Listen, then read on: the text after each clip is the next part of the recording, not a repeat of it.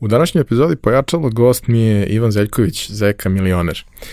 Pričali smo o tome kako je izgradio svoju karijeru premilionera, kako je izgledao ceo projekat kada je potpuno neočekivano postao voditelj, a kasnije i producent a, lokalnog milionera. A zatim šta se sve dešavalo kada je došla kriza i kada mu se producentska kuća koju je imao, gde je imao više od stotinu zaposlenih, uh, urušila i u, u, u nekim najtežim godinama došao u situaciju da mora da krene ponovo ne od početka, ne od nule, nego iz značajnog minusa. Zaka je otišao u Dubaji, u Dubaju i u Singapuru danas gradi svoju poslovnu priču koja se zove Evans Media Group i mislim da je njegova priča izuzetno interesantna, inspirativna i može da posluži kao jako dobra lekcija uh, svima nama koji mislimo da je ponekad teško i da ponekad nema dalje, a isto tako i da nema nazad. U svakom slučaju, nadam se da ćete uživati. Realizaciju ove epizode podržala je kompanija Epson, koja je vodeći proizvođač projektora i štampača za sve namene, od kućne i kancelarijske upotrebe do profesionalnih uređaja koji se koriste od maloprodaje do industrijske proizvodnje. Već 20 godina u nizu proizvode najbolje projektore na svetu, a prvi štampač napravili su pre više od 50 godina. I dan danas svaki godin ulože preko pola milijarde dolara u istraživanje i razvoj novih proizvoda sa fokusom na održivo poslovanje i očuvanje životne sredine. Upravo zahvaljujući tome, njihovi inkjet uređaj najnovije generacije prave 94% manje zagađenja od konkurencije uz maksimalan kvalitet otiska. I vaš mobilni telefon koji sada nosite i na kome nas možda slušate i gledate, najverovatnije je napravio robot koji je stigao iz Epsonove fabrike. Roboti su super. Japanski roboti pogotovo. Za slučaj da želite da nas podržite vi individualno, uh, možete da posetite link u opisu podcasta na platformi Buy Me A Coffee i tu možete kupiti mesečnu pretplatu ili jednokratno donirati neki jednost koji želite. Hvala vam unapred na tom. Imenjače, dobrodošao. Imenjače, bolje te našao. Ovaj, do sad nismo imali uh, goste koji su uz svoje uh, ime, prezime, nadimak uh, imali taj uh, uh, sufiks uh, milioner. Uh, kako je uopšte ovaj, izgledala ta priča tada kada, kada se dešavala? Ajde, to je, svakako ćemo se baviti hronologijom, ali to je taj jedan moment po kome si najprepoznatljiviji ljudima, ljudima ovdje, jer je to prosto bio show koji je imao maksimalno moguću popularnost u tom periodu i ti si taj posao radio fantastično, ali nekako iz, iz ugla mnogih koji nisu pratili radijsku scenu i malo šire medijsku scenu, ti si bio neko novo lice koje niko ne zna. Tako je. Pa, uh, upravo tako, ja sam bio u ovom podcastu, ja sam bio ovaj sto, znači dva mikrofona i to mi je bio život 10 godina ovaj, na radio. Uh, radio Pingvin, pa radio Naxi, pa opet radio Pingvin. I onda sam znaš, svi kažu stice okolnosti i svi kažu kao evo ga ovaj, kako što kaže Messi, ono uh, uh, uh, uh, preko noći kao došao čovek, a u stvari preko noći je trajalo 10 godina. Znači moja priprema da vodi milionere faktički trajala 10 godina, time što sam 10 godina radio na radio i pripremao se u medijskom svetu da ovaj, eto, dam neki ovaj, doprinos, a na BK televiziji sam radio kao tonac, odnosno audio postprodukciju sam radio, nisam radio na mikseti, nego ovaj, na programu, nego sam radio u postprodukciji, znači sve emisije koje su se snimale su prolazile kroz našu audio obradu, e, radili smo špice, džingleve, reklame i tako dalje i e, zahvaljujući nekom, nekoj stice okolnosti, zapravo jedan kuriozitet, e, pre nego što je milioner došao, znači šest meseci pre nego što je došao, krenule su najave uskoro kviz milioner i to sam čitao ja, ne znajući da ću da vodim kviz tada. Ove, ja sam radio u audio produkcijskom studiju, a obzirom da sam 10 godina trenirao svoj glas uz najbolje mentore koje ova e, zemlja i do dan danas je mogla da da.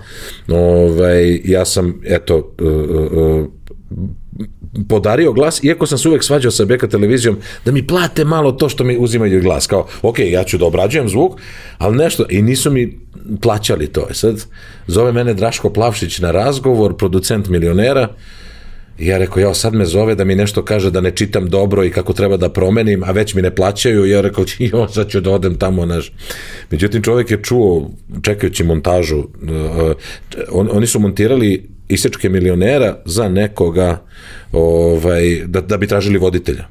I čekajući montažu neki lik je ovaj e, neki lik ovaj Miroslav Savić montažer i ja smo se zezali u nekoj emisiji top lista koji išla na beka satelitu koji nikoga u tom trenutku nešto nije zanimao produkcijonu a mi se zezali ali zezanje je bilo tipa o, ovog e, dana je top listu, na top listi pobedila Severina, Seve tako je krasno i nešto su mi tu zezali, ne znam ja ovo. I to je Draško čuo i kaže, znaš šta, ja ulazim u kancelariju, on kaže, e, ja bih da probam tebe kao voditelja milionera, super se zezdaš, meni se odseku noge, sednem, ovaj, čašu vode i kocku šećera, što bi rekli, i kaže on, ja bih da probamo, da niko ne zna, pošto nije uobičajeno, nisi niti lice, i tada sam imao, možda ne ovoliko ovaj, e, prepunjenosti, ali imao sam viška kilograma e, i bio sam šatiran plavo, imao sam inđušu na uvetu. I sa Nisi baš ti... bio Tarik, što kažeš. Pa nisam baš, bio, nisam baš bio ni jedan, ni jedan voditelj, a kamoli Tarik i tako dalje, koji je glumac i čovjek ima tu posturu i sve. I ovaj, mi probamo, I on kaže, ja sam svog voditelja našao. Međutim, to nije moglo da se e, tako lako prođe na beka televiziji, jer su stvarno na beka televiziji najlepši, najnačitaniji, najrazgovetniji voditelji i tako dalje. Razgovetnost nije bila problem, očito drugo je, fizika je bila problem i mesec dana je bila potraga za, za, za voditeljem kviza. E, na moju sreću, ovaj, ja sam na kraju izabran, Englez, e, producent tačni škotlanđanin, nažalost danas pokojni e, Rod Taylor, od koga sam mnogo naučio u životu, je došao i tad se nismo poznavali, on je rekao nećete naći boljeg od ovog. I onda kad sam pogledao svoju tu traku sa audicije, razmišljao sam, čoveče, kako si ti mogu po, na ovoj traci da vidiš da oni neće naći, jer to je bilo, kaže, to je moje, kaže, to je kraft, kaže, to je ono što ja ovaj, znam da prepoznam potencijal.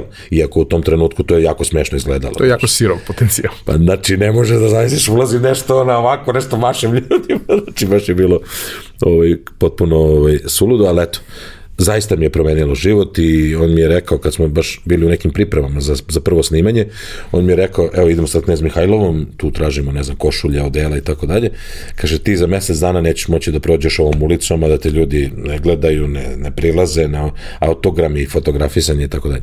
I tako je bilo. I stvarno je milioner i to dan danas tvrdim promenio moj životni tok e, u, u najlepšem mogućem da kažem smeru i ja sam pre, pre, e, prezahvalan i njemu ali i BK e, ovaj, grupi pre svega ovaj, BK televiziji i Bogoljubu Kareću koji je naravno bio taj koji je na kraju presekao. A nedavno je ovaj Ivan Bekjarev mi je zaista učinio čast, pošto ja to nisam pričao uopšte, ovaj, e, bio je gost u, u, u, Dubaju i ja sam sedeo u prvom redu publike, a on je rekao, e, tu je Zeka milioner, inače da znate, u finalnoj odluci ko će da vodi kviz smo bili on i ja. I to je zaista bilo tako. I onda je Bogoljub meni, meni pozove mene na sastanak i kaže, Željkoviću, ne mogu da se odlučim između tebe i onog Bekjareva, a oni by the way su iz istog mesta, ovaj, kako se zove iz Peći, ono drugari, jer on kad uđe u prostoriju, onda kaže milioner to puca, pa ne mogu da se odlučim. Ja kažem, pa možda nisam objektivan, ali izaberite mene. Ovaj. Znaš, ono, ko 200 sa sirom i još jogurt, ono, znaš.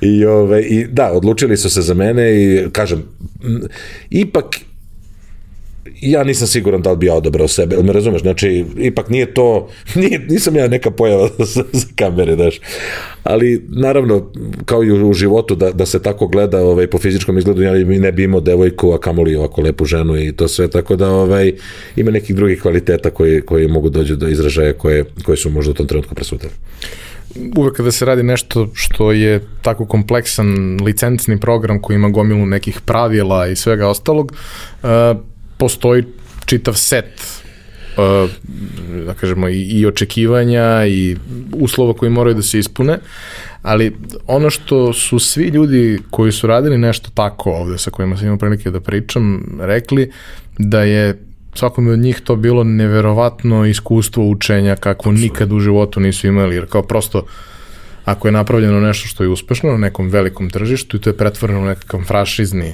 proizvod, ta franšiza mora da bude takva da zaista svaku svuda može da je primeni i da ona bude na jednom vrlo visokom nivou kvaliteta. Kako je to izgledalo kod vas? I kad bi ljudi shvatili da to što postoje ta pravila olakšava život svima, život bi nam svima bio mnogo lepši i lakši. A ne da bude, e, dobro, piše u knjizi ovo, to ćemo mi malo da izmuljamo, pa ne.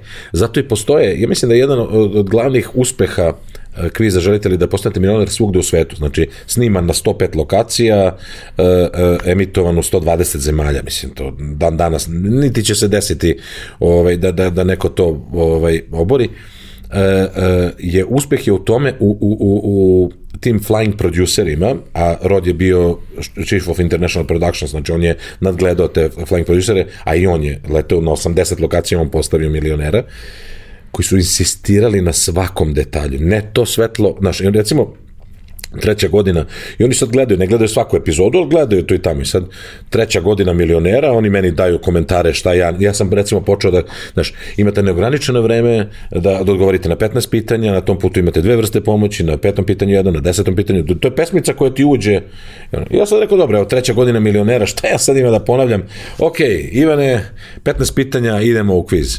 I on kaže, nije ovo kviz milioner, kaže, ovo ti neki drugi kviz. Kviz milioner mora da svakom takmičaru kaže pitanja, da oni koji prvi put gledaju, ali nisu gledali mesec, dva dana, se podsjeti i tako dalje, ima zašto to svoje. A i da ne, jednostavno treba se držati ove licence. Kaže on goboji, ove, znači to su šare koje daje, daju svetla mm -hmm. na, mhm. na podu milionera, drugačije, naš kao ovaj, direktor fotografije, ove, Ćeša, naš kao, sad malo ćemo promenimo to, a oni ovako zamrzli kadar i kaže, a ne, kaže, ovo nije milioner, kaže, ovo je neki drugi kviz, kaže, ne. I te stvari, recimo, bio sam na snimanju kviza milioner, ti imaš DOP-a koja je na snimanju, ali imaš i dizajnera svetla koji je originalno uradio. I sad on sedi na svakom snimanju, znači ovaj DOP ništa ne radi jer on nadgleda sve a ovaj nadgleda dio pija i sve da bi to bilo, znaš, malo preteruju u tom, ali, ali mislim da je to dovelo ovaj, milioner i mislim da je to bila neviđena škola ne samo za vođenje, nego i za kasnije produkciju, a, a i biznis, a i život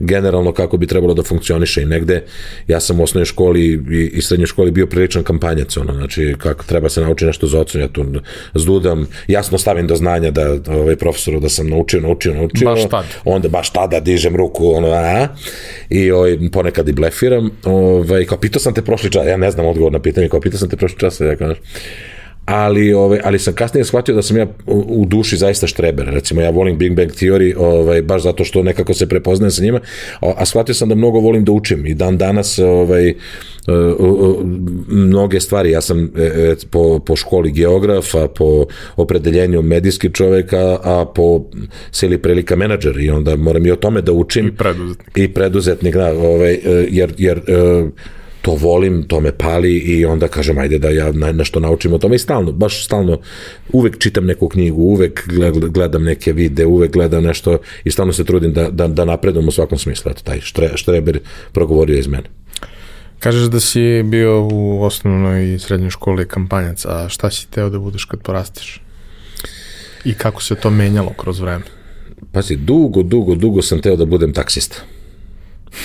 Mnogo sam voleo, moj tata nije vozio auto, moj tata, dan danas, on više ne vozi, pogotovo ne danas, ali mi nismo imali auto u kući.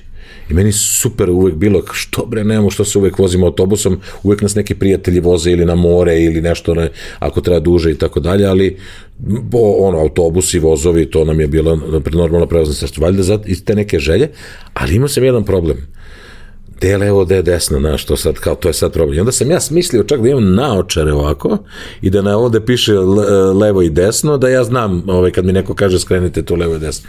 Tako da je to bila, a, ima, a imali smo i dosta prijatelja, ovaj, e, taksista, ovaj, koji su ovaj, bili dragi prijatelji i radoviđeni u našoj kući, vozili neke mečke, ono, znaš, kako to već ide, 120 trojke, ovaj, i valjda mi je to bilo nekako super da, da, da ovaj, zajedno, eto, u budućnosti budem neki taksista. A kad si skapirao da hoćeš da budeš nešto drugo? O, to se stalno menjalo. Što je, prvo, uh, uh, ja sam prve pare u životu dobio sa, sa sedam, mislim, uh, zaradio sa 17 godina, u 92. godine kriza, inflacija, sve, moja baba, sećam se, računala kao ja, ove, godine, ove meseca 7,3% više, što će reći da je plata, da je penzija 4,32, 3 marke, ne znam, jedna i tako da A ja 50 maraka na radio Pingvinu, opa, kao pripravnik i tako dalje, u kovertici, naravno, keš kolica, I ovaj, to mi je bila prva para. Ovaj, prodavao sam i kokice. Ovaj, to je bilo fenomenalno iskustvo u Budvi. Ovaj, moj ujak je pravio aparate, moj brat od ujaka imao želju da prodaje kokice, ja mogu da sredim lokaciju u Budvi, tata mi je radio dugo u Bečićima u Crnoj Gori i ovaj, znali smo tamo predsednik opštine i ovo ono, i to smo nekako ovako ispod žita dobili neku lepu lokaciju, malte ne na ulazu u, u stari grad. Ovi nam iz Beograda šalju sve sirovine, mi ništa ne treba da kupujemo i sve što zaradimo je naše. Znaš koliko sam ja para imao. A zaljubih se i vratih se brzo. Ovo, jedno mesec dana sam izdržao i to je bilo recimo to kokice. Pa sam onda uh, paralelno sa tom radijskom karijerom koja je 92. počela i, i onako galopirala lepo. Ovaj 98. sam uh, znači između je bio radio Naksi gde sam opet imao ovaj tu, tu se više radilo pošto je bio u povoju radio više se radilo o kompenzacijama ali ZD Computers čuveni, ja mislim mm. da se ti sećaš ovaj, ekipe, mi ih zovemo crkvenom hardijski, mi moramo naši, mi sad, znaš, prodaš na radio Naksiju koji u tom trenutku niko ne zna, pazi, kuriozitet, ovaj, koji je emitovao stranu muziku, recimo u tom početku, da ti ne pričam i francusku i grčku i tako dalje, ne znam, je bio show neki, ovaj, dok Maja nije preuzela ovaj, radio uh, Naksi i od njega napravila po meni najbolje formatiranu i najzdraviju radio, radio priču u, u istoriji radijskog neba ovaj, našeg. Uh, uh, uh, ispravila na, na naše greške početničke. Ali to, to je bilo ta neka, da kažem, ovaj, opet neka stvar. Da silom prilika neki, ajde da kažem, sales u marketingu, tu sam bio. Ali 98. kad sam se vratio na radio Pingvin, Uh, uh, gde me rade Santrač, koji, kog sam upoznao na, na radio uh, uh, Naksiju i gde, od koga sam učio produkciju, doveo da radim taj one man show Vitamin na, na radio Pingvinu 98 ja, e, recimo 400 maraka, to je bio najveći transfer u istoriji radija, rade imao 500, ja sam imao 400 maraka, to je bilo ludilo para, pazi, dobijam prvu platu. U koverti 400 maraka. I zove me moj drugar, brat Frizer, Vlada, zezno sam nešto oko poreza, daj šta, da, koliko god da imaš, daj 1000 maraka treba skupim. Ja ovako uzimam 50 maraka, stavljam u džep i dam mu 350 maraka. Drugim rečima, mogu sam da živim sa 350 maraka, razumeš? Te sve. U toj situaciji imam para, uha, Znaš, e, sećam se, ne razmišljam, mobilni telefon, 50 maraka kredita u njemu, pun rezervoar, džeta, dvojka, neka raspadnata, pun rezervoar. Ja kažem, šta mi treba više u životu, majke? Znači, to je bilo razmišljanje. Ove, uh, tata uh, je uh, bio ovaj u Argus Tursu, vodio je tamo ovaj kako se zove vodiče i tako dalje i onda me pita jednom e kaže ovaj bi ti vodio grupu imamo jedan autobus viška 98. godina da bi ti vodio grupu u Budimpeštu. Rekao da putujem u Budimpeštu za džabe, još dobijam pare, a vođa puta, ne treba da ja nešto neko razgledanje. Plus su tu bile neke razgledanja fakulteta. Ja dođem, putujem u inostranstvo, što tada nije bilo toliko često, putujem non stop u inostranstvo kad treba, kad hoću. Ja nije, nije mi to bio posao, ali ja snimim emisiju za četvrtak, u sredu uveče odem, u nedelju se vratim i to mi je bio posao. Tako sad sam nešto radio, ovaj, ali mislim da je za moju karijeru bilo presudno to što sam imao mentore na tom radio Pingvinu, znači i uzore, znači Vojan Nedeljković prvo i pre svega Nataša Kostić, sada Ristić, e, Ivana Bojović, sada Zarić, ovaj, to, e, inspektor Blaža, Dača Kocijan i ekipa, znači e, to, to je bila jedan samo da do, ja sam dolazio i gledao i učio od ljudi. Ja dan danas primenjujem neke uh, fore koje mi je Vojan Nedeljković ovaj, prodao, uh, kaže, uh, naš tipa, tamo je zezanje u, u režiji, ovo ono, on kaže, uđeš u, u sobu, ono, gluvu sobu, gled, ono, zažmuriš 3 sekundi i onda kreneš da pričaš fokusiranje, da ne pričamo o dikciji Robert Klein, znači mm. legenda, legenda, znači, pa kasnije na Naksiju ovaj, i Zoran Petrović koji me napravo, zapravo i doveo na medije i, i, i ovaj, rade Santrač produkcija, dođe mi 6 sati gledam kao čovjek pre reklam. Eto, kompleksan odgovor na jednostavno pitanje šta si želeo da budeš i šta si bio u životu. A imao sam i bend. Znači, od koga nisam, samo smo trošili pare, demo band, uh, prvo se zvao Inkvizicija, zatim se zvao Opus Dei, ali potpuno nevezano, znači ne znam odakle nam Inkvizicija, a Opus Dei nismo ni znali da je sekta, nego smo učili latinski prva godina srednje I, ovaj, I kao Božje delo, kao, naš, kao toliko smo dobri, naš. Ali super, to je, ja mislim da mi je taj, taj period bio jedan koji me izvuko, znači ono što, što, na što roditelji vole ono, da se deca bave sportom ili muzikom, da, da, da izađu sa ulice, znaš, ono, da se sklone sa ulice. To, to je nas sklonilo i, i ovaj, sve pare koje smo imali i, sve vreme i energiju koju smo imali smo davali za to, snimali spotove i ima na YouTube-u da se nađe. Opus da i potraži me. Kome prepozna svaka mu čast. Uh, ta priča sa, sa radom u medijima tada u odnosu na ovo danas je zapravo mnogo drugačiji danas suštinski radijski program je manje više u fazi da možeš da ga generišeš i automatizuješ jest, u, jest. u, u svakom smislu govornog programa ima vrlo malo, to je verovatno jedan i od razloga zašto podcasti imaju svoju publiku i ljudima nedostaje ta vrsta autorskog Tok izraza. Tako je. Ovaj, ali kako je to izgledalo tada? Mislim, kako je, znaš, moja publika je uglavnom tu negde mojih tvojih godina. Dobar deo njih se verovatno i seća. Deo, pa, Čič. ljudi u srednjim godinama. Ovaj, ali ima i mlađih koji verujem da zapravo se ni ne sećaju ničega od toga. Ne, da je u njihovom slučaju radio bio playlista u kolima i to je to. Jeste, mislim da je došlo do jedne strašne degradacije. Prvo je bio, bila degradacija radija uh, u tog tok radija, ajde da ga nazovemo govornog radija, e, e, e, imao si školu radio Beograda koja, ne računajući Zorana Modlija, recimo i Mileta Pileta, ovaj, e, e, je bila suviše, suviše, suviše upakovan i to dan danas traje. Ima ljudi koji slušaju to i to je nivo kvaliteta BBC-a, tu nema, nema šta da se priča, to je to. Je to. A opet sa druge strane, kad su se demokratizovali radio stanice, onda je to bilo užasan jedan, jedan, jedan, jedan vašar ono uh, uh, gluposti i svega, ali bilo je ljudi kao Dača Kocijan koji je znao po celu noć da priča, ali da priča smisleno, da priča sa nekom temom i tako dalje. Noćni programi Radio Pingvina smo sedeli i gledali u radio kao da gledaš televizijski program, znači koliko to bilo zanimljivo i, i, i engaging, ono što kaže. E, onda je došlo jedno, uh, uh, ajde da kažem, nesrećno vreme formatiranja. Ja dan danas tvrdim, eto još jednom ću reći da je Radio Naxi zaista najbolje, na najbolji način formatirana radio stanica. Ovaj, I Maja je to radila kao pionir. Ona je bila, recimo, ona ode u Mađarsku na radio Juventus, kuc kuc na vrata, dobar dan. A mogu ja mesec dana da dolazim kod vas da vidim kako vi to radite? I taj period formatiranja ipak dao neku dušu i zato je po meni taj Naksi ima neku dušu i svoju publiku, svoje, svoje znači ono, godinama su vodeće radio stanice, ne samo na radio Naksi, sad je tu i Top FM, sad je tu e, Nostalži, mislim, i tako dalje, to su, to je sistem radio stanica zato što je to urađeno na pravi način. A sa druge strane, onda je Radio S krenuo u formatiranje i onda su došli neki Nemci, neki Slovenci, ne znam, to se radi tako, to se radi tako, to se radi ka, ka, ka, ka, ne znaš, izgubiš dušu, gde će Nemac da ti dušu, znaš, ona, mi, mi ipak smo drugačija. Uspeh milionera nije bio u formatu, nego u lokalizaciji formata. Tarik Filipović ima jedan fazon, ja imam drugi fazon, Bugarin ima treći fazon, Niki Krnčev, ne znam, ovaj, uh, Trendo dole u Makedoniji ima svoj način, Chris Tarrant, uh, uh, ne znam, Jerry Scotti ili, ili, ili ovaj, to su sve, svako, to, to, je, to je ono što se dešava danas sa digitalnim medijima, a to je globalization, globalizacija, uh, globalization through localization, znači globalizacija kroz lokalizaciju.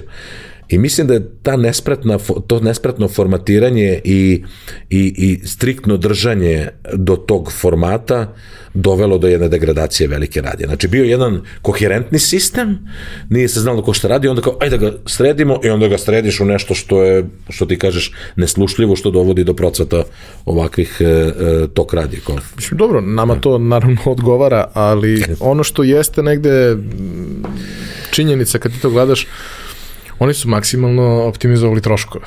Pa to je Ali se u tom procesu da, da, izgubilo sve ono što, da, što je činilo neki radio onim za koji se opredeljuješ. Znači, jest. prosto, ono, ja sam volao da slušam određene stvari, najčešće isto u kolima, nekad u kancelariji, zato što sam poštovao izbor koji pravi osoba koja to uređuje. Sada to uređuje algoritam. Jeste. Koji, ono, gleda da pokrije što veći deo publike. Yes. Ja sam nekad u tom delu, ali vrlo često nisam. Je, upravo to, do, do, ba, kažem, mislim da je, da je ono to art por l'art, ono, znači umetnost radi umetnosti, čisto eto, forma radi forme. I onda se pitaju, pa kako? Znaš, pa naravno, ne možeš da uzmeš i da sečeš, mora to da bude na neki način e, smisleno urađeno i mislim da te noćne linije programa pogotovo su uništene. Da, mislim, ja ne znam li ima sad ne, neki ono noćni program pa da kažeš da zasedneš i da radiš, ali opet treba voditi računa da, da to ne bude onaj pijaca ona koju smo imali u jednom trenutku na radijskom nebu. I ovaj, mislim da taj balans je ne, nešto što, što eto, bi trebalo da preovlada. E, pomenuli smo na samom početku priču, deo priče o, o, o milioneru, ali ta priča je mnogo kompleksnija i sadržajnija od onoga o čemu smo pričali. Pričali smo, kažemo, kako si ti zapravo našao u, u toj ulozi.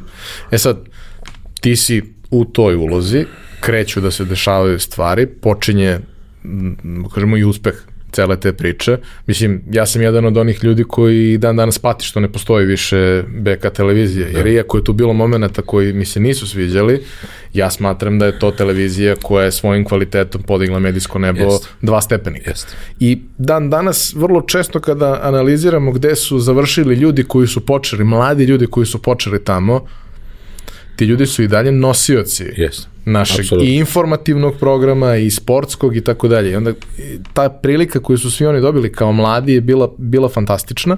Ti formati koji su se tamo razvijali, prosto struktura cela programa, kada ignorišemo one periode oko izbora i pred da, izbora, kad je to bio promotivni yes. alat yes. koji je, koji je Bogoljub koristio. A, kako kreće cela priča? Odnosno, šta, šta prethodi, da kažem, u prvom emitovanju? Kako, kako ide E, priprema cele priče, kreće emitovanje, šta se dešava? E, hoćeš priču pre ili hoćeš priču posle? Kada su te odebrali? Kada je već bilo jasno, ok, to je to, je sad treba da krene. Meni je zanimljiva stvar, Milioner je ovaj, i po drugoj stvari bio prvi u svetu, a on je uh, prvi u svetu bio ta uh, worldwide produkcija. Obično su produkcije bilo, u Americi se radi ova emisija, u a ovo je prva internacionalna produkcija koja je zaživela na, na, na, taj, na taj način i u tom, u, toj, u, toj, u tom kvantitetu. I meni je zanimljivo bilo da Bogoljubove čerke, e, e, e, mislim da je Jelena i, i, i Sretenova Goca, su imale neku svoju firmicu u Londonu, gledale to i kao, e, mogli bi ovaj format da uzmemo za BK televiziju. Formati uopšte nisu bili pitanje.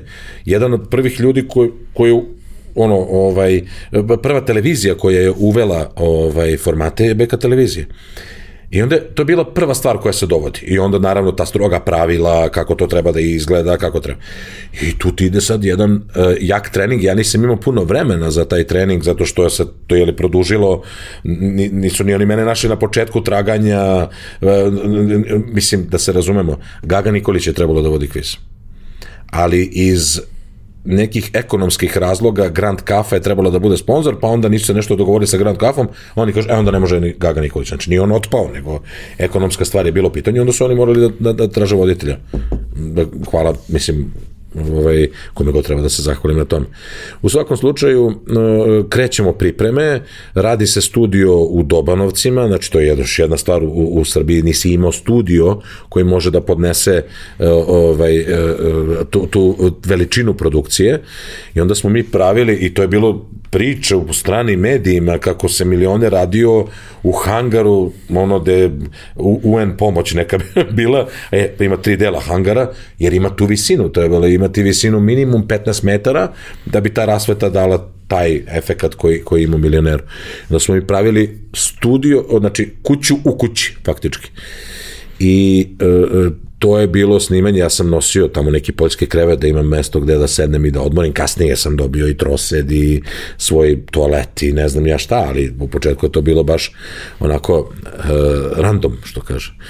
I, ovaj, I pripreme, pripreme, pripreme, znači ovaj, Rod Taylor je bio tu ovaj, i, i Kate Singleton, sada si Oftanu, ovaj, koja, je, koja je nadgledala zajedno sa njim, ona je bila taj flying producer i do krajnjih granica sve ovaj, da, da bude, da kažem, postavljeno i onda to oni puste, ti radiš i, i to je to. E, velika kampanja je krenula, Znači, e, pošto ja tad nisam bio oženjen, e, ja sećam, ja pitam kao, e, ovaj, da li da, kao biografija moja koja treba da ide u novinama, znaš, i ja kažem, pa da pomenem da imam devojku, on je kao, ne, ne, ne, nije u ovom trenutku presudno, u smislu, znaš, ima tu publike koja, znaš, gleda tako, ovaj, to sve, tako da, e, razne neke, neke stvari, veliki PR event je bio, naravno, da lansiranje milionera pred prvu epizodu, zanimljivo, snimanje je bilo 1. maja, na rođendan moje majke, a e, prvo emitovanje je bilo na 6. maja na Đurđedan, što je slava i moje supruge i mene. I, ovaj, i, znaš, iskreno, najiskrenije, ja uopšte nisam skapirao, kapirao koliko je to velika emisija, znaš. Ovaj, shvatio sam da je to kao veliki televizijski projekat, ali tad je bilo velikih televizijskih projekata koji dođu kod nas dva, tri meseca budu, šest meseci, godinu dana i čao. Međutim, kad je to krenulo da se odmotava, odmotava, odmotava i onda možda i kulminacija neke ono, ovaj, priče, Nova godina 2002. na 2003. Zoran Đinđić e, gost, e, i Bajaga i Lazar Istovski i e, Radmilar Hrustanović i znači ono baš baš gradonačelnica u tom trenutku Beograda. Da. Znači, stvarno, ne znam, baš, baš je bilo imponovalo da budeš u tom društvu. A meni je u stvari veća trema bila pred snimanje, a kad sam došao, ono, sad sedneš na svoje mesto, to je to, nema više, to je tvoja pozicija, već sam se naviko, već mi radimo nekih od maja, znači nekih sedam meseci, sve to već ide svojim tokom i ovaj, to su stvarno bile Igor Spasov, ovaj, nažalost nedavno preminuli, ovaj, eh, je napravio fenomenalan dokumentarac o tom eh, snimanju, kako se snimao, kako se snimala ta epizoda sa, sa Đinđićem, sad kad je krenuo NFT, možda i pustimo ovaj, tu epizodu ovaj, kao za, u promet. U svakom slučaju, ovaj, velika produkcija, velika uzdanica televizije i ja sam zaista ovaj, i zanimljivo, prva plata koju sam dobio bila manja od onoga što sam ja privređivao do tada. Ali sam to privređivao sa 4-5 poslova koje sam radio. Znači, radio sam uh, uh, u, u Mobikliku sam bio stalno zaposlen, na radiju 063 sam bio stalno zaposlen, na televiziji sam bio stalno zaposlen i između tih poslova radio, plus tezge koje sam radio, plus u jednom studiju smo radili neki CD o Hilandaru i to sve, znači, baš pet poslova I plata koju sam imao je bila manja, ali ja sam nekako video budućnost u tome u smislu ha, valjda je, znaš, kao velika produkcija, veliki iskorak i taj, ta promena, the change, ono što mi, što bi rekli mi, the change, ovaj, mi je izgledala kao perspektivna i ne da se nisam prevario, nego drago mi je da sam makar na toj životnoj raskrsnici mudro presekao. Uh, koliko je trajala cela priča sa milionerom i u kom trenutku si ti um, odlučio i kako je došlo do toga da preuzmeš više odgovornosti od samo posla voditelja? Meni je zanimljivo, znaš, ovaj, e, čitao sam Phil Knightovu knjigu Shoe Dog, odnosno ovaj, knjigu o Nike-u i sad si mi kažem kao, naš Nike, kako su oni smislili to ime, to je Nika, boginja pobede, e, a, a pritom ako, a, a u knjizi piše, e daj brzo, brzo treba nam ime, ovaj je neki rekao ovo, on je rekao nešto drugo, Blue Ribbon je bilo ime ranije, da, daj nešto drugo, ne sviđa mi se Nika dola, i to jutro dolazi, ajde nek bude Nika, raz, razumeš? E, ovaj, e, tako, tako, tako se isto i desilo da ja postanem producent milionera. Nisam ja sad sedeo mesecima, smišljao neku strategiju i najlepše stvari u životu ti dođu same. I to je onaj čuveni vic ovaj, uh, muja, jeli mora da bude, ovaj, kada mu je poplav u kući, mislim, ne znaš što je, kaže, moli se on Allahu da mu pomogne kad dolazi čamac, i on kaže, ne, ne, ne, neću ja čamac, ja se molim Allahu, on će da mi pomogne, znaš, dođe do pola kuće, on se moli Allahu, opet dođe čamac, treći put dođe, četvrti put dođe čamac, razumeš, i on ne, ne, ja se molim Allahu, on će meni da pomogne i umre. I dođe kod Allaha i kaže, pa što mi nisi pomogao ja vernik celog života i to sve, kaže, što mi nisi pomogao kad mi se, kako ti nisam pomogao, kaže, četiri puta sam slao čamac, kaže, ali ti nisi prepoznao. E, to je situacija u životu, te situacije dolaze, ovaj, neki poklonici indijske ovaj, kulture, meditacije, Deepak Chopra bi to rekli, abundance, ovaj, stvari se dešavaju ispred vas, a vaše da ćete, ga, da ćete ih videti ili ne i, i ta spremnost da se odgovori u trenutku na nešto je eh, ono što je bitno. E, znači 2002. je krenuo milioner i sad ne bi da, da traumiram kol, pre koliko to godina bilo, pošto se rekao si da je publika naših godina, znači to je bilo pre, evo sad će, bit će ovaj, 6. maja sledeće godine će biti 20 godina. 20 godina. Ja, e, ali zamisli, ja klinac 27 godina sam imao kad sam vodio, pa ja sad 27 godina, ne da ne, da, tako velika zahvalnost Bogoljubu, što, mi, što je na kraju prihvatio mene kao voditelj, Znači, 2002. kreće, ako se ne vram, 2006. ugašena beka televizija, ovaj, na jedan stvarno ružan način, mislim šta god, ja, ja sam, ja sam ima, ima snimak na YouTube-u kako branim Beka televiziju i sad si misle kao ja branim e, svoje pare ili bogoljuba, ne, ja, ja sam, ja, ja ne, trp, ne mogu da trpim nepravdu. Sad smo mi 96. 7. na protestima tamo nešto urlikali, drndali ovo ono, 2000. I sad ista ta ekipa koja o, dolazi u ponoć da gasi BK televiziju. Čekaj, brate, ako je sve kako treba, dođu gasi u podne, brate, predaj papir i kaže gasi sve, očigledno nešto nije bilo kako treba, ugasi se beka televizija. Meni je bilo strašno ono, ovaj, e, e, tužno mi je bilo, to, to, to je stvarno mučan, ono, da kažem, period, šta god. Ovaj, I ja nisam, prvo sam kategorički odbijao da uzmem licencu milionera, pošto je bila priča tu o ekipi koja je radila, što ne uzmeš licencu, rekao, brate, pa mrtvac se nije ni oladio beka televizija, a ja sad da raspodeljujem tamo, ovaj, kako se zove, i metak i to se. I ovaj, kad sam shvatio da će neko da uzme licencu milionera i da se ono opari na, o milioneri o tome, razumeš, ja zovem Bogoljuba i ovaj, pitan ga ovaj, da li je okej okay da ja uzmem licencu milionera, e, a on je rekao pa bolje ti nego, ovaj, nego neko drugi kaš. Znaš, ono kao super, ok.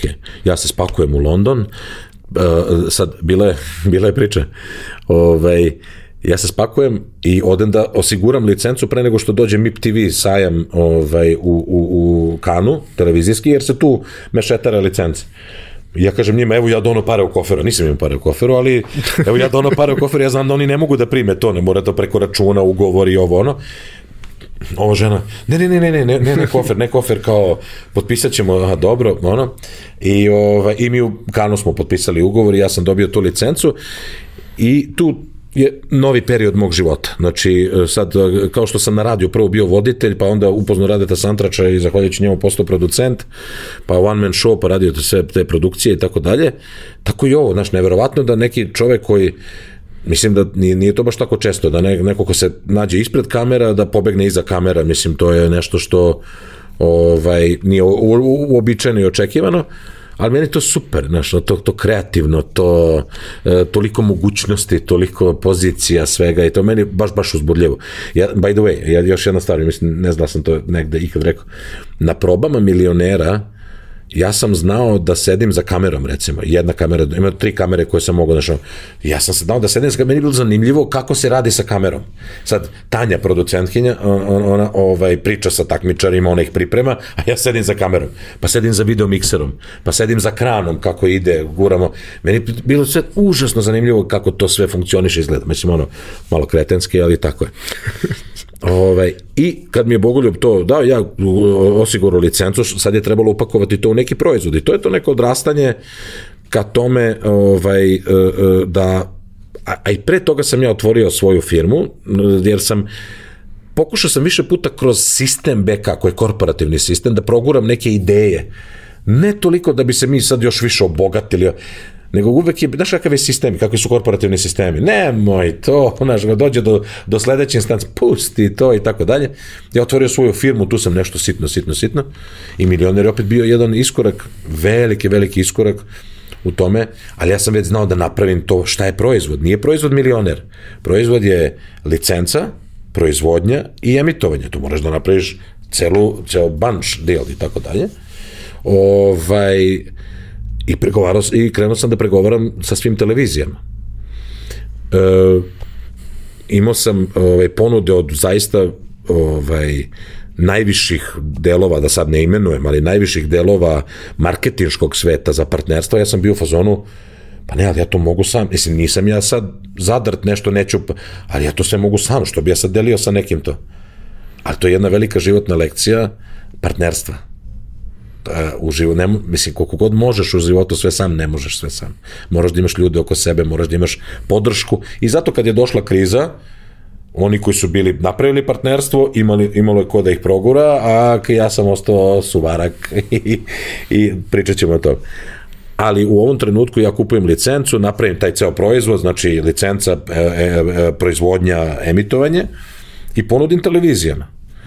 E, e, I sve televizije su bile zainteresovane, Uh, i pregovaro, pregovaro, pregovaro.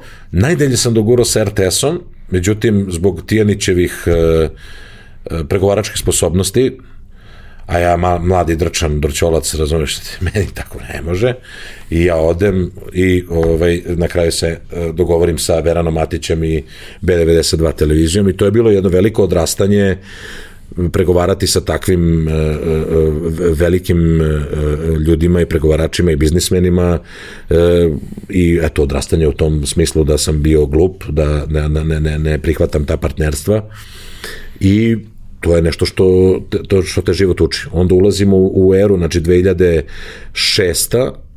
do 2009. tri godine, predivne tri godine, možda i najplodonosnije ovaj, kada sam dotakao to Zeka milioner opravdao nadimak. Ovaj, e, saradnje sa B92 koja je bila fenomenalna e, e, i, i oni su bili zadovoljni, mi smo bili zadovoljni i klijenti su bili zadovoljni. Kuća snova projekat koji je na, i dalje projekat sa najvećom nagradom u istoriji srpske televizije. Ovaj, 27 sponzora, od 27 sponzora ovaj, 27 me zvalo da sarađujemo na novom projektu Znači, dva projekta, ja potpisujem znači, ugovor za uh, uh, milionera i kuću snova sa 30 godina, više milionske ugovor, znači koji je ono stvarno velika, velika stvar i odrastanje, ali mlad, zelen, glavom kroz zid, neuk menadžer, ovaj, preduzetnik, ili tako, ovaj, nisam uh, uspeo da zadržim to prerano su došle te pare, pre, prerano sam postao kao, ha, sad idemo, imamo koliko hoćeš, šta hoćeš, ono, kofa curi, znaš, ono, da doneseš vodu na, u firmu Profit neki, ono, kofa curi na sve strane, znaš, i tako dalje. I ovaj, to je trajalo do svetske ekonomske krize. Znači, super smo živeli, super se radilo, imalo se, moglo se i ovaj, taj period je zaista bio jedan plodonosni period u životu. A, kad kažeš, došla je kriza, svi smo to negde osetili koji smo imali bilo kakve veze sa marketingom, a najviše smo osetili ako smo radili sa velikim firmama, sa multinacionalkama koje su prosto Začutak, iz razloga toga što se, što se dešava samo rekle ok, možemo mi malo i bez marketinga da vidimo šta će da se desi. Znači nije to sad kao mi nećemo ništa, yes, nego yes. ajde samo da mi vidimo šta će da se desi. Jer kao ta neka Coca-Cola, neka čokolada, nešto, da. prodavaće se to i bez nekakve agresivne kampanje, a mi ćemo da sačuvamo u, u teškoj situaciji, sačuvat ćemo nekakav keš koji, koji može da nam znači. Šta je bilo kod tebe? Mislim, ja se sećam, da, da. napravim paralelu pa se ti nadoveži, ali ja se sećam trenutka kada baš sam bio u Nišu na konferenciji Bizbas koju, koju su pravili moji prijatelji i ono, u roku od dva sata sedim u Niškoj banji u hotelu Radon, u roku od dva sata me zove pet ljudi da mi kaže, e, one kampanje što smo potvrdili, te, e, ne. mislim, to će, da, to će da bude, ali neće Nema, to ne, baš ne. sad, mislim, znaš, kao ako si planirao da ne planiraš više i kao samo odjednom neki novac koji je bio očekivan da stigne u narednom periodu, samo odjednom toga nema i nema nikakvog jasnog izgleda kada će da se stvari vrate u normalu. Ti ono kao, znaš, negde radiš dobro, stabilno posluješ, možda preživiš mesec, dva, nečega, neće to da bude strašno. Ali ne znaš koliko će ovo da traje. A, um, samo kontra pitanje, šta si ti uradio u tom trenutku? Jesi imao zaposlene, si otpuštao ljude? Jesi... Imao sam zaposlene, imao sam neki, neku rezervu, uh, nisam otpuštao nikog, rekao sam, najavio sam da može da dođe do toga, da tri meseca možemo da izguramo ovako, naročito zbog toga što su ta tri meseca u suštini bila tri meseca kad je bilo naplate svega onog prethodnog što je rađeno, jer to po prirodi stvari kasni da. određeni broj dana, nedelja, meseci. Ovaj, ali da vrlo lako može da se desi da dođemo u nezgodnu situaciju, to je bio neki oktobar, novembar, da posle nove godine možemo da dođemo do problema i nakon nove godine sam smanjio broj ljudi, optimizovao troškove, prosto morao da, da, da uradim nešto da bi priča opstala. Uh, pa, ti, upravo, upravo to što se ti uradio i o čemu se ti razmišljao, ja nisam, jer možda u najvećem trenutku slavlja, septembar 2008. godine, kuća snova se završila, svi prezadovoljni Holcim koji je dao ozbiljne, ozbiljne stotine, ono, hiljada, da ne kažem, ovaj, novca stranog, ovaj, e, me zove i kaže, ajmo još da radimo a, kako se zove, Ceresit, koji je drugi najveći dao, ajmo još da radimo. Hoće kažem, uspešno, uspešno i ne vidi se kraj tome, da razumeš, znači mi idemo ovaj, i kidamo verovatno taj, ja sad, fa, sve mogu, što kaže jedan prijatelj, kaže, šta, da, da, da, da, da je bio neko da te posavjetuje, ti bi ga kao poslušao, razumeš?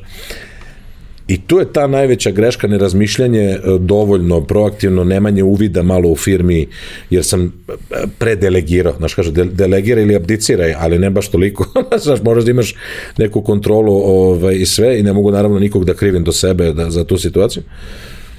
Znaš, uh, mi smo toliko para imali da smo mi godinu dana, znači imao sam 120 zaposlenih, znači u tom trenutku ok, završi se jedan projekat, 40-50 ljudi ode, ostane 50-60 ljudi, pa malo, malo se to krnji, ali 30 ljudi ostalo ozbiljno, ozbiljno period vremena. Preko godinu dana smo mi imali, što ti kažeš, naplatu toga, pa malo se snađemo, pa ovo, pa ono, sve.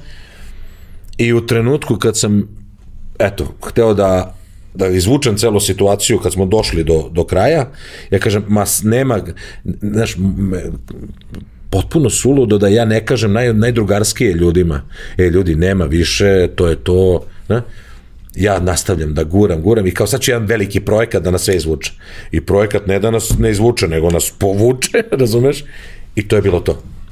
I sad, meni je to bilo strašno, meni je to bilo tragično, meni je to bilo, ali onda, znaš, kad se pa, baviš biznisom, shvatiš, svi mi imamo uspone i padove. Ne mora baš da bude toliki pad, ali Svi mi imamo uspone i padove. Bijela priča gore na forumu, znaš, on završi seriju stotine hiljada u, u, u, u, u buli, jer je pogrešno nešto stračano, razumeš? Znači, e, e, svi mi imamo uspone, i to je jedan normalan, ako, ukoliko se to shvati kao normalan, da kažem, tok stvari, ovaj, e, onda to ne, nije to pitanje da li ćeš da nastaviš, nego ideš, znaš, ono, malo se otreseš i gledaš, ok, ajde, vidimo šta da radimo, nemaš, pa neću se obesim, nisam takav je, te razumeš, ono, znači, nije, da nije bilo slučajeva u biznisu ili ne znam ja šta, ali... Pa kako kaže Michael Jordan, nisam ja izgubio ni jednu utakmicu, samo mi je nestalo vremena. Da, Tako je. Da, e, i, to je, I to je ono, ovaj, e, drago mi da si pomenuo košarku kao metaforu, ovaj, e, i, to je, i to je ono što, što treba, znaš, ako, ako, ako nisi naučio, onda si glup, razumeš, znaš, i tako, tako da, nema tu neke priče o nekom kao, wow, krenuo si iz početka, ma nisam krenuo iz početka, to sam ja, samo što sam naučio, platio školu, Harvard sam mogao da platim, kakav Harvard, znači mogu sam platiti za celu porodicu Harvard sa tim što sam, e, koliko me, da kažem, taj trenutak koštao. Tako da, ovaj, e, e, a kažem, eto, znači, milioner, cash taxi, naj, najpopularnija emisija ovaj, moguća o koje je lansirala Ivana i, i ono stvarno fenomenalni komentari, razumeš, pa kuća snova, ogromne da kažem, pare se vrte. Imali smo i narod protiv, to je bio moj omiljeni jedan kviz isto koji smo radili. Svašta nešto smo radili i odjednom kao, op, ja krene, dole. I nema tu šta, sad samo, znaš, ono, ajde se prestrojimo, ajde vidimo gde smo, šta smo i u tom prestrojavanju, ovaj, iskrsne mogućnost, jer Dubaj je mesto gde ti veoma lako možeš dobiješ rezident vizu, nije to neka komplikacija kao u Americi, kao u Nemačkoj ili gde god, nego jednostavno oni na taj način su privlačili kadrove iz, iz celog sveta i uspeli su u tome. Dođem da vidim kako je, zaljubim se i ostanem, evo, 8 godina. E, Teo bih samo jednu stvar da te vratim na, na ovaj deo, da kažemo, produkcije. A, milioner je licencna stvar. Jesu ostali projekti bili vaši, autorski vaši ili kako je to bilo? Ne, ne, ne, mi smo sve radili licence.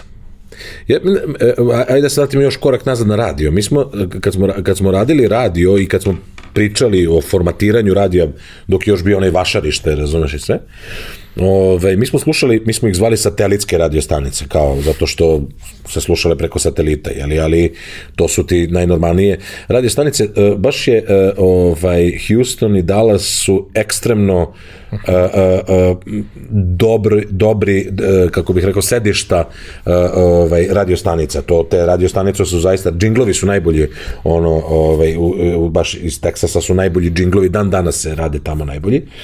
Ovaj, a e, e, mi smo slušali holandske radio stanice, ne znamo ni reč holandskog, ali ovaj, znam da je Vive Richt e, vremenska prognoza, Veronika, radio Veronika Vivericht. Ovaj, e, e, znači, e, Veroniku smo slušali, koje se kasnije zvala Jorin, 3FM, Funk Drajacht i tako dalje. To su bile radio stanice koje mi dobijemo, neko nam u satelitu na radiju ili televiziji skine sa satelita tu radio stanicu, snimi nam 2-3 sata programa, onda mi to kopiramo, gledamo kako su oni koncipirali. Znači, to je to piratsko licenciranje u smislu, aha, radili su takav džingl, što su radili? To je neko smisleno kopiranje i to je Robert Klein i Rade soundtrack su to radili fenomenalno. Da, učenje po modelu. Tako je. Da, a baš to, učenje po, bravo, učenje po modelu. I onda smo tu kopirali. A kad sam došao u priliku da kupim licencu, koja ti sve daje, I ono, boje, mora platiš, ono ozbiljno. Ne moraš da provališ. A ne moraš da provališ, nego, ej, kao muzika za milion, i daju ti muziku i grafička rešenja se radila tamo. Mnogo su koštala, ali ti neko u Engleskoj uradi, vi želite li da postanete milioner na grafiku i tako dalje. I zato je, i onda je to meni bilo kao, naš, ono, kao Wonderland, ono, naš, e, se, sećam se, ovaj, bio je diskop, to je sajam lice, format, televizijski sajam, imali formata, u Budimpešti je bio i mi prvi sastanak, prvi, ovaj, prvi format koji smo videli, cash taksi. I ja kažem, pa neću budem ovca, evo ceo sajam tri dana traje dok ja obiđem sve tamo sobe, ovo ono, rekao ja ću da ovaj da kažem da da da sačekam pa i na kraju se vratimo i kupimo cash taksi jer je stvarno fenomenalan format. Kuća snova, zanimljiva stvar. vlasnika, odnosno autora licence sam upoznao Kanu. Sedimo onako u veselom društvu, jeli pet ujutru, neki klavir u lobiju hotela, sviramo, pevamo, la la la la. I on kaže imam super format i ja uđem u to i onda kad sam bio u Londonu opet uh, sa njim u nekom pubu u 11 uveče se nalazim i mi pričamo o poslu licencije. Hoće kažem, meni je to bilo još bolje, naš autor formata koji se emituje u Australiji, u Španiji, u Nemačkoj, ovamo, namo, ne znam, ja, Argentini, ovaj, on, ja, on, on, ja, on ja pregovaramo direktno i tako dalje, on ti otkriva sve tajne, za taj novac koji on dobija. Znači, i stvarno smo uvek bili na, na, na najvišem nivou produkcije. Došao je holandski producent uh, uh, uh, Kuće snova, kao on će sad nas poduči jer su oni već radili u Holandiji, on je čovjek došao, sedeo četiri dana i četvrtog dana rekao pa ja nemam šta da vam pokažem, samo mi objasnite kako ste ovo uradili. Znači stvarno Tanja koja je ovaj, uh, uh, Bojković je, je to zmaj, žena zmaj, znači ono postavila tu produkciju na ono na na na na na svetskom nivou, znaš.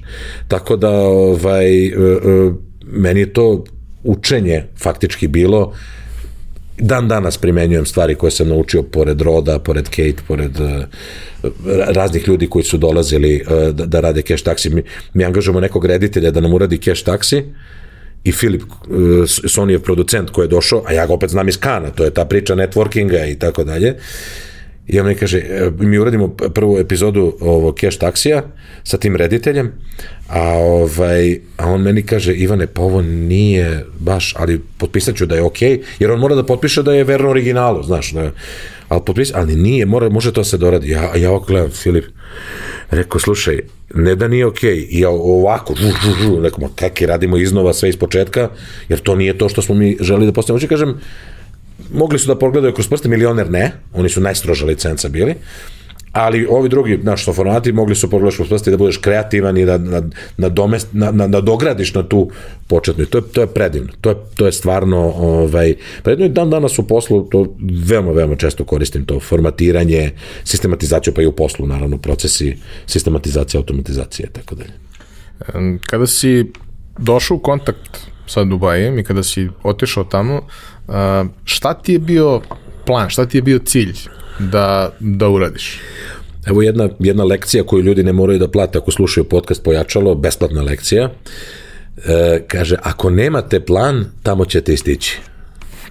znači, ovaj, e, e, e, ako, ako nemate ideju i plan, ovaj, a da, izvini, ako ne znate gde, e, izvinjam se, lekcija 2, ispravljena lekcija 1, ako ne znate gde idete, tamo ćete istići. Najveći problem je što mi u Srbiji tako je makar bilo ovaj, u vreme kada sam ja ovaj, radio biznis ovde, moraš da radiš 10 poslova, mora, kao pre milionera sam radio pet poslova u isto vreme, da bi ti, eto, ne, neki tu kapital, a, a u inostranstvu je mnogo, mnogo bitno da nađeš svoju nišu, da se fokusiraš. Ja tu uvek pričam, znaš, lupam sad u okolini Knjaževca, dragog mi Knjaževca, ovo je izmišljena priča, ovo ne postoji, ali postoji lik koji ima fabriku od 300 ljudi, znači ono, i radi neki delić gumirani za BMW prispojnicu Firfutne koja ne, niko drugi ne proizvodi i on zarađuje milione na tome, razumeš? I to je ta niša, mislim ovo je izmišljena priča za Knjaževac i Firfutnu, ovaj, ali to je ta neka priča u inostranstvu, mora nađeš neku nišu ko, koju, koju možda ne bi ni pomislio, ovaj, ali moraš jako da se fokusiraš. A ja došao, znači da ću da se zaposlim, da ću da otvorim svoju firmu. Pošto u Dubaju nema poreza na plate, ljudi daju bruto plate, znači ti tebi veća plata je u Dubaju čoveku nego u Americi ili u Švedskoj ili bilo gde, u Nemačkoj duplo ili troduplo veća plata jer sve ti bruto ide ovaj, tebi na račun, a ti šta radiš za penziju, to je tvoje i tako dalje. Znači, primamljivo deluje pa plata, ali duh ne, ne vredi. Znači, zanimljiva stvar, samo digresija, kad sam počeo raditi milionera, nema više tih pet poslova, ja kažem dva dana imam obaveza za, za finu platu, znači za svo ono što sam učio, pet poslova, ne znam ovo ono, dva dana posla za, za finu platu. I ja kažem, pa da, ja sad moram da idem u spa centre, u džim, da se lepo osjećam, da sedim, da uživam, da bi tu energiju, pozitivu preneo na gledalce. I tako i bi. Mesec, dva, tri ali onda đavo ne da mira i tako je krenula priča o agenciji i cela priča i to se. Tako da, ovaj, mm, Dubaj, da ću se zaposlim, da ću otvorim firmu. Ako se zaposlim, nabrojao sam, imao sam 12 CV-eva raznih. Znači, mogu budem account manager, mogu budem business development, mogu budem kreativni direktor, mogu budem ovo, mogu budem ono, mogu budem... I onda kao, wow, tako ću pre da nađem. A, znaš ili preduzetnik, šta da radim, znaš. I sad i onda sam, i onda sam prelomio sledeću stvar. E, prešao sam 5000 km od kuće. Kažu da je najveći stres u životu, posle smrti člana porodice, preseljenje. To je, kažu, najveći stres. Ja sam to nekako prihvatio kao challenge, kao izazov, sve to može ovo ono, ali opet ne bi ja bio ovoliki koliki jesam da tu nema nekog stresa nagomilanog ili tako dalje. Ove, nije lako i svak, ne da nije lako, nego je ekstremno teško.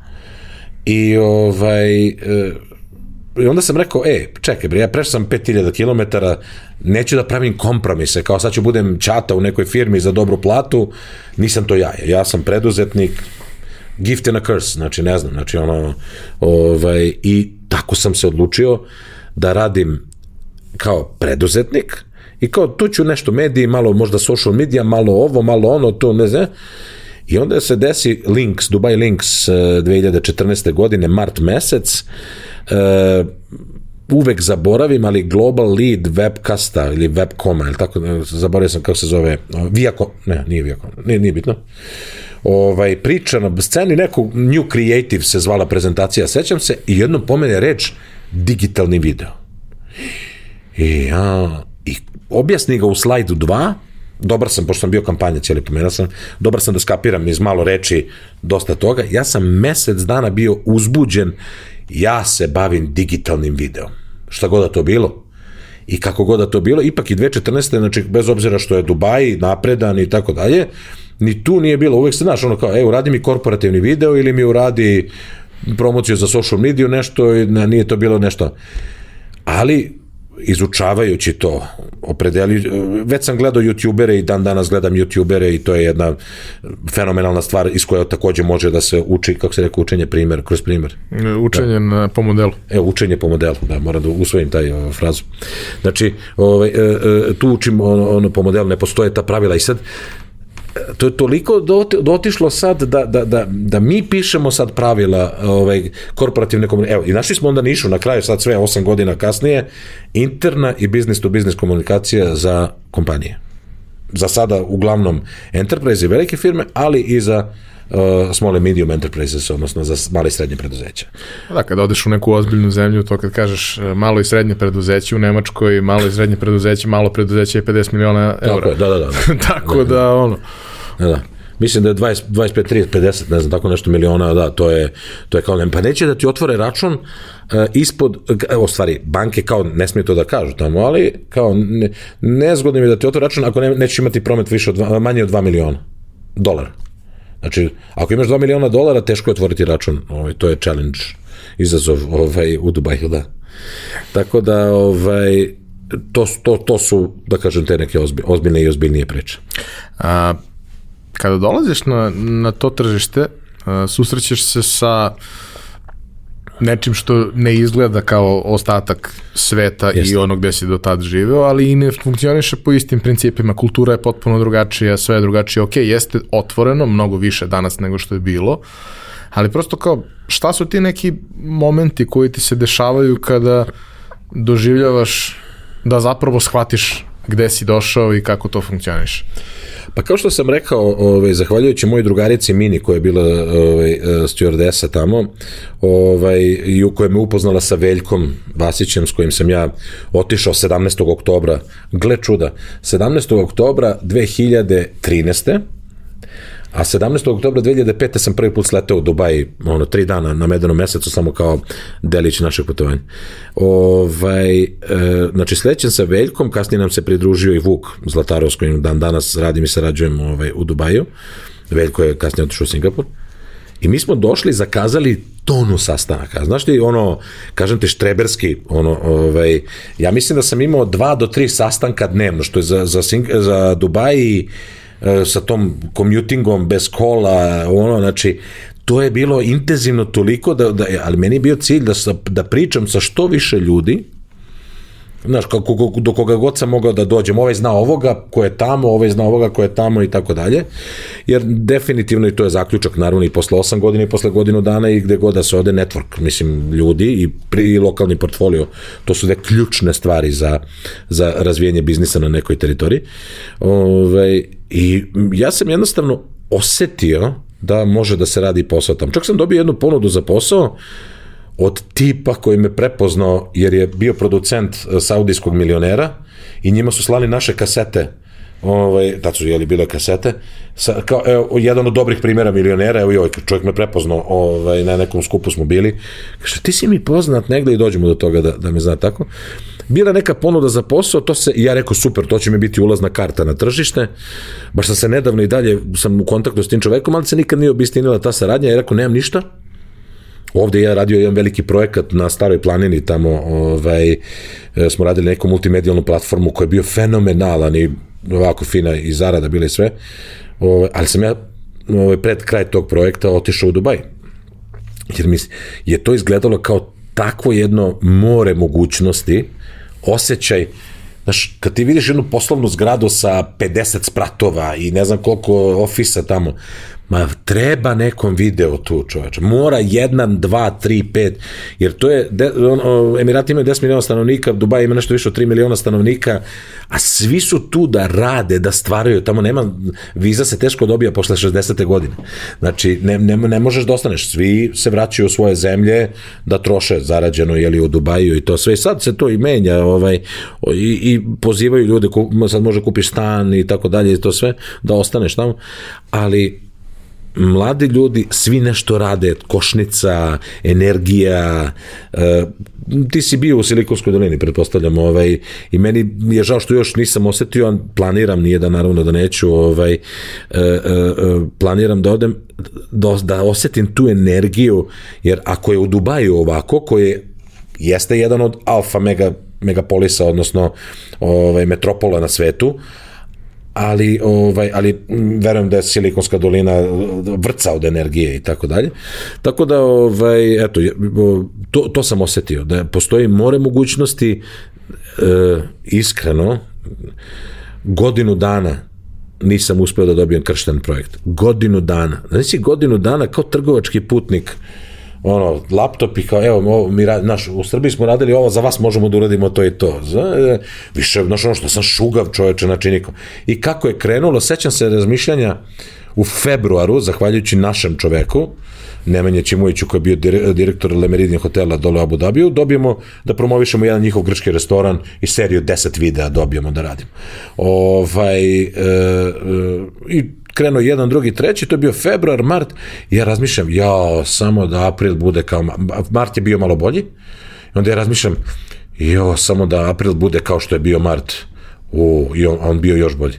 Jo, samo da maj bude, i onda sam prestao da razmišljam tako, zato što nije stvar da ti bude isto kao, nego stvar da, da kad si na nekom potentnom tržištu, to stalno raste. Eto, to je, i taj rast nije prestao do sada daleko od toga da sam ja i blizu onog novca koji, koji sam vrteo ovde, ali posao raste posao se gradi i stalno bootstrapping biznis, znači krenuti od nule je strašno teško, ne, ne u mentalnom smislu, nego u fizičkom smislu, ne možeš da angažuješ nikoga.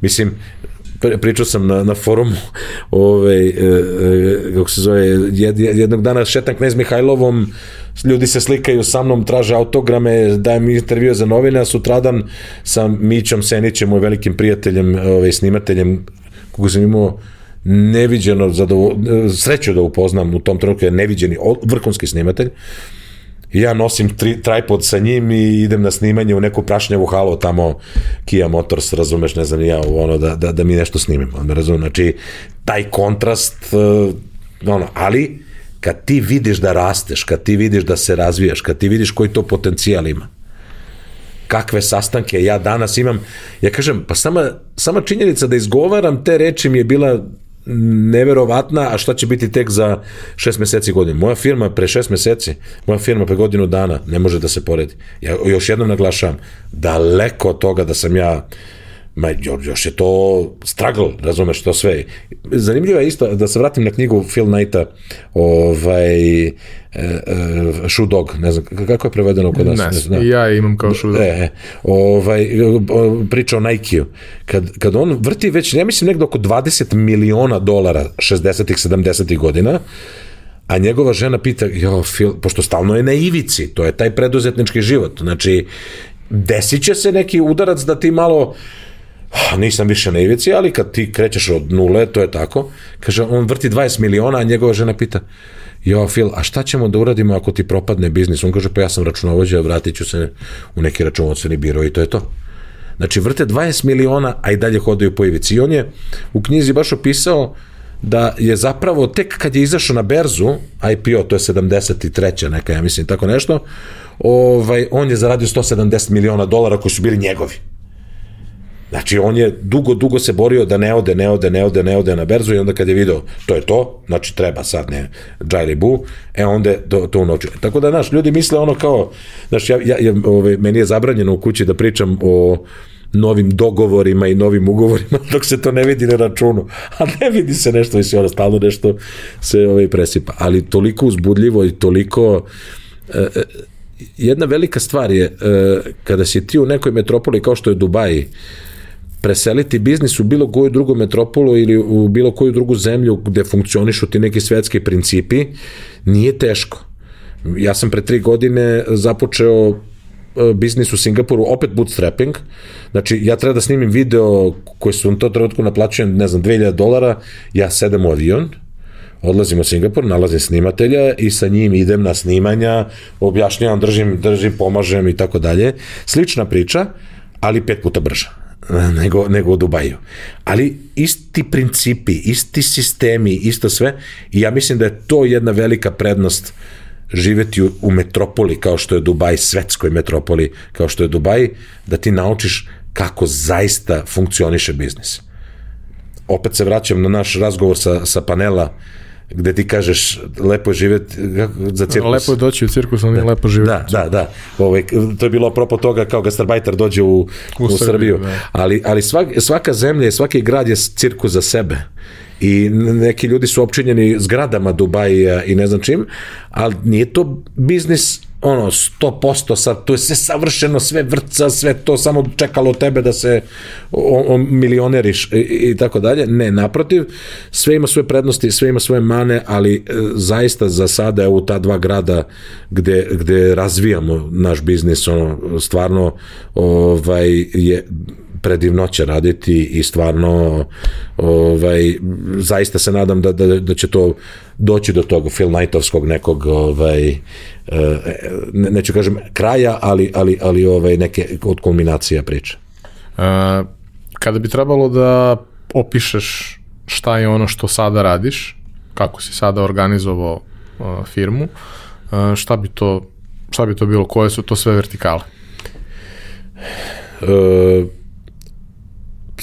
sada smo u fazi da uh, Evans Media, kako se zove moja kompanija, evansmedia.group, ovaj, se sastoji iz nekoliko uh, segmenata. Uh, prvi, najstariji segment je taj Evans Media Service, videoprodukcija koja se trudi da prateći najnovije trendove, to primeni na korporativnoj komunikaciji do te mere da pravimo podcaste, pravimo vlogove, e, e, što je meni neviđeni uspeh jer ja sam veliki fan Casey Neistata, e, Gary Vee-a, David Dobrik mi je ono, fenomenalan i tako, znači to su neki ljudi koji su pomerili granice u komunikaciji. E sad se trudimo, naravno, ti ne možeš preneseš taj stil sa, sa Casey Neistata, neki onaj urbani njujorkerski, hip-hop style da pre, preneseš na komunikaciju korporacije neke, ali možeš da ovaj primeniš E, e, učenje po modelu. po modelu, učenje po, zašto je on ovo ovde uradio, zašto? I onda ti to primeniš tu, plus ako demistifikuješ ono što radiš, sad, naš ljudi pomislili ovde da ima ne znam koliko rasvetnih tela, koliko kamera, ekipe, čovjek mađioničar sve radi ovaj, one man show, tako? Ovaj, mi se trudimo da ogolimo to na decent level. Znači, mi nismo high level produkcija Ari Alexa, ne znam, Red, ovo ono, nego smo mi ovaj, no, DSLR sasvim dovoljno, znači fotoaparati, ne mora da bude ni najnoviji, samo da je to dobro kvaliteta, na kraju krajeva sad je ovaj, Netflix dozvolio da ti primarna kamera bude DSLR. Znači Canon za sada mislim da su verovatno će u, u međuvremenu i Sony isto da odobre. Elem, ovaj, da to bude decent korporativni kvalitet. E, to je taj Evans Media. Drugi, odnosno flagship, ajde da kažem, projekat i pro, proizvod koji mi imamo, se zove Castvio, castvio.com. Castvio je, ili Castvio je e, proizvod gde mi donesemo opremu ovako u firmu, evo, o, isto ovo, bukvalno dve kamere, mikrofon, dva, jedno, dva rasvetna tela, ovaj, donesemo i ostavimo u firmi. I ljudi se sami snimaju. Ili im dajemo line producera jednog čoveka koji će da, znači ne dovodimo stalno 5, 6, 10 ljudi koji će biti na setu i time po, pospešujemo efikasnost produkcije, a obzirom da je subscription model u pitanju, o, lakše nam je da se mi organizujemo, oni znaju na koliko videa mogu da računaju i to sve ide u nekom ovaj, e, da kažem e, e, pravcu ne mogu da kažem SaaS, odnosno uh, uh, video as a service, ali ja kažem ovaj, kao utility, znaš, imaš vodu, imaš struju, imaš internet i imaš snimanje videa. Znači, treba neku objavu da snimim, samo dođeš, klikneš, snimiš objavu i mi ti to izmontiramo. Nije samo u montaži stvar, jer video je mnogo više od uh, snimanja montaže, osmisli format, osmisli kako će to da izgleda i tako dalje, tako da mi dajemo tu jaku, jaku preprodukciju u smislu da, da, da sa firmama ih saslušamo šta treba da radi. Naš najveći klijent je Microsoft uh, u, u Singapuru. Oni su krenuli sa 20 videa, pa 50, pa 75, pa 100. E, mesečno. mesečno videa i evo sad da kucnemo drvo ovih dana a smo u, fazi obnove ugovora za još godinu dana na 100 videa mesečno. E, to je sad mašinerija. E, sad mi imamo iza toga mašineriju montažera, pet, ne znam, na Filipinima pet montažera, project manager, ovde imamo direktora produkcije, head of content i tako dalje. Znači, sve uzimamo pomalo i pravimo toga neki proizvod i mogu da kažem da sam ponosan da smo ovaj, prošle nedelje izbacili softver naš, po našim procesima, znači ima proces, procesi sistematizacija, automatizacija, ovaj, izbacili smo naš originalni softver za Castvio, e, odnosno za e, proces snimanja videa sa sve montažom, sa sve komentarima, sa svem, svim koracima ko je responsible, ko je accountable, ko je, i, tako da svi na projektu znaju gde se nalazi projekat, kad će šta biti deliverovan i tako dalje. Znači, pravili, napravili smo originalni software za ovaj, pravljenje produkciju videa. To je Castvio. Imamo proizvod koji se zove Podster, PODDSTR, PODDSTR, e, koje je partnerstvo sa Vukom, e, e, koji je, Vuk i ja smo naime napravili podcast naš koji se zove The Change Officer i ovaj, me, meni je podcast naravno jednom na radiju, uvek na radiju ta emocija, ova priča lagana i to sve fenomenalna stvar. Ovaj, meni je krenuli smo pre dve godine spontano, ajde da krenemo, kako ćemo nazovemo, the change, to je najšira tema, change može da bude sve.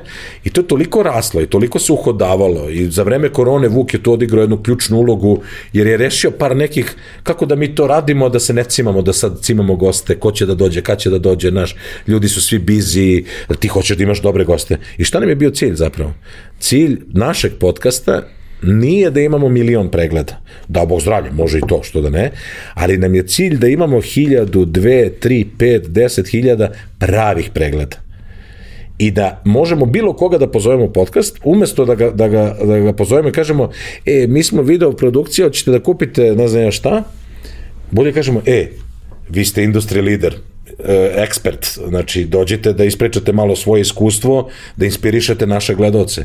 Deset puta je bolji response rate, znači da, da odgovor na to da dođu nego da im prodaš nešto. Znači deset puta i više je, će pre neko da dođe da ti se ispriča. A kad dođe, vi napravite dobar odnos, iskomunicirate, pričate. Evo danas me zvao jedan gost koji ima ozbiljan, ozbiljan government, uh, uh, kao jedna lobistička firma, nije lobistička, ali tako nešto, Danas me zove čovjek, ej, kad će da izađe podcast i da se čujemo da nam uradite neke videe i tako dalje. Nije, neće svako da dođe to, ali upoznavati ljude koji su uspešni, slušati njihove priče, meni je to besprekorno i tako smo mi napravili The Change Officer podcast, Vuk i ja se sad neizmenično dva puta nedeljno izdajemo o, i meni baš jedna zanimljiva epizoda sad sa Ryanom Pylom, ne znam kad, kad će da se emituje tvoja, ali bile, Ryan Pyle je uh, ozbiljna televizijska zvezda, novi Bear Grylls, uh, Bear Grylls nove generacije. Ove, I onda mi kažemo, u, pa čekaj, sad smo mi rešili te neke probleme, kako da to, napravili smo fenomenalan tim. Znači, taj tim je mene pogurao da se vratim, pošto je, ja sam počeo, Vuk je nastavio, ja nešto malo raduckao i onda je Vuk većinom radio, ali toliko je tim dobar, toliko je se uhodao i te sve, toliko mi je malo eforta trebalo, I zahvaljujući tom vrhunskom timu podstera, ja sam se vratio i sad, evo, ovo, ovo, sad snimam Lukija dva put nedeljno, ali smo napravili kompaniju koja upravo nudi tu uslugu firmama, znači podster. Faktički dođemo u jednu firmu, treba nam executive na pola dana, i za tih pola dana snimimo četiri podcasta, je tako, po pola sata ili 15 minuta, to ne mora da bude, ne znam, ne moramo sati 15, ne, ono, nego, ove, znači, snimimo to i deliverujemo 124 pieces of content za ceo mesec toj firmi. Znači, pola dana egzekutiva za 124 pieces of content. A end-to-end -end service. Mi, vam, mi kažemo koje goste treba da zovete, mi ih zovemo, mi ih organizujemo, mi ih dovedemo na snimanje, vi ih ispitate pitanja, najavu, mi radimo, pitanja radimo mi, e, sve, mi montiramo, radimo micro content, sve, sve, sve, sve, sve, vaše samo da dođete pola, pola dana da snimimo to. To je Podster, to je ta, ta firma Podster. I ovaj, pa ja mislim da je jedno 10 ili 15 podcasta u ovom trenutku držimo tih poslovnih. Evo danas se vidim da je u Singapuru izašla ovaj, i jedan novi ovaj, podcast koji smo, na kojem smo radili. E, to je treći deo firme, znači imamo servis, imamo Castvio, to je donesemo opremu i ostavimo, imamo Podster i imamo volumetric video, to je nešto što će tek biti tek smo u začetnoj fazi, rešavamo neke tehničke ove stvari, ali volumetric video je zapravo jedna green screen kao jedno zvono, ono soba, gde sa 15-16 kamera snimiš svoj, da kažem, hologram pod navodnicima, a zapravo za augmented reality, virtual reality ovaj, 3D modele u, u real time. Znači nas dvojica sad sedimo, ne bi baš voleo da me snimaju iz svih uglova, ovaj, lepo izabrati ugao, ali sa 15-16 kamera nas snimaju ljudi mogu da kruže okolo i da gledaju čas tebe, čas mene ili šta, šta god im je ovaj, e, u tom trenutku zanimljivo. A, pominjao si da pored Dubaja e, firma ima svoje predstavništvo i u Singapuru. Singapur, jeste. A, šta je priča sa, sa Singapurom? Pa eto, ukazala se prilika, pomenuo sam Veljka koji je otišao ranije tamo i on mi je zaista otvorio neka vrata, ja sam bio dovoljno lud da se pakujem u avion, da odem na jedan, dva videa snimanje po nedelju dana, dve nedelje, jedan nedelju dana, dve nedelje i onda su nekoliko klijenata tu vezalo i mi dan danas imamo sad već, da kažem, fine operacije tamo ovaj, u, u Singapuru. Mislim,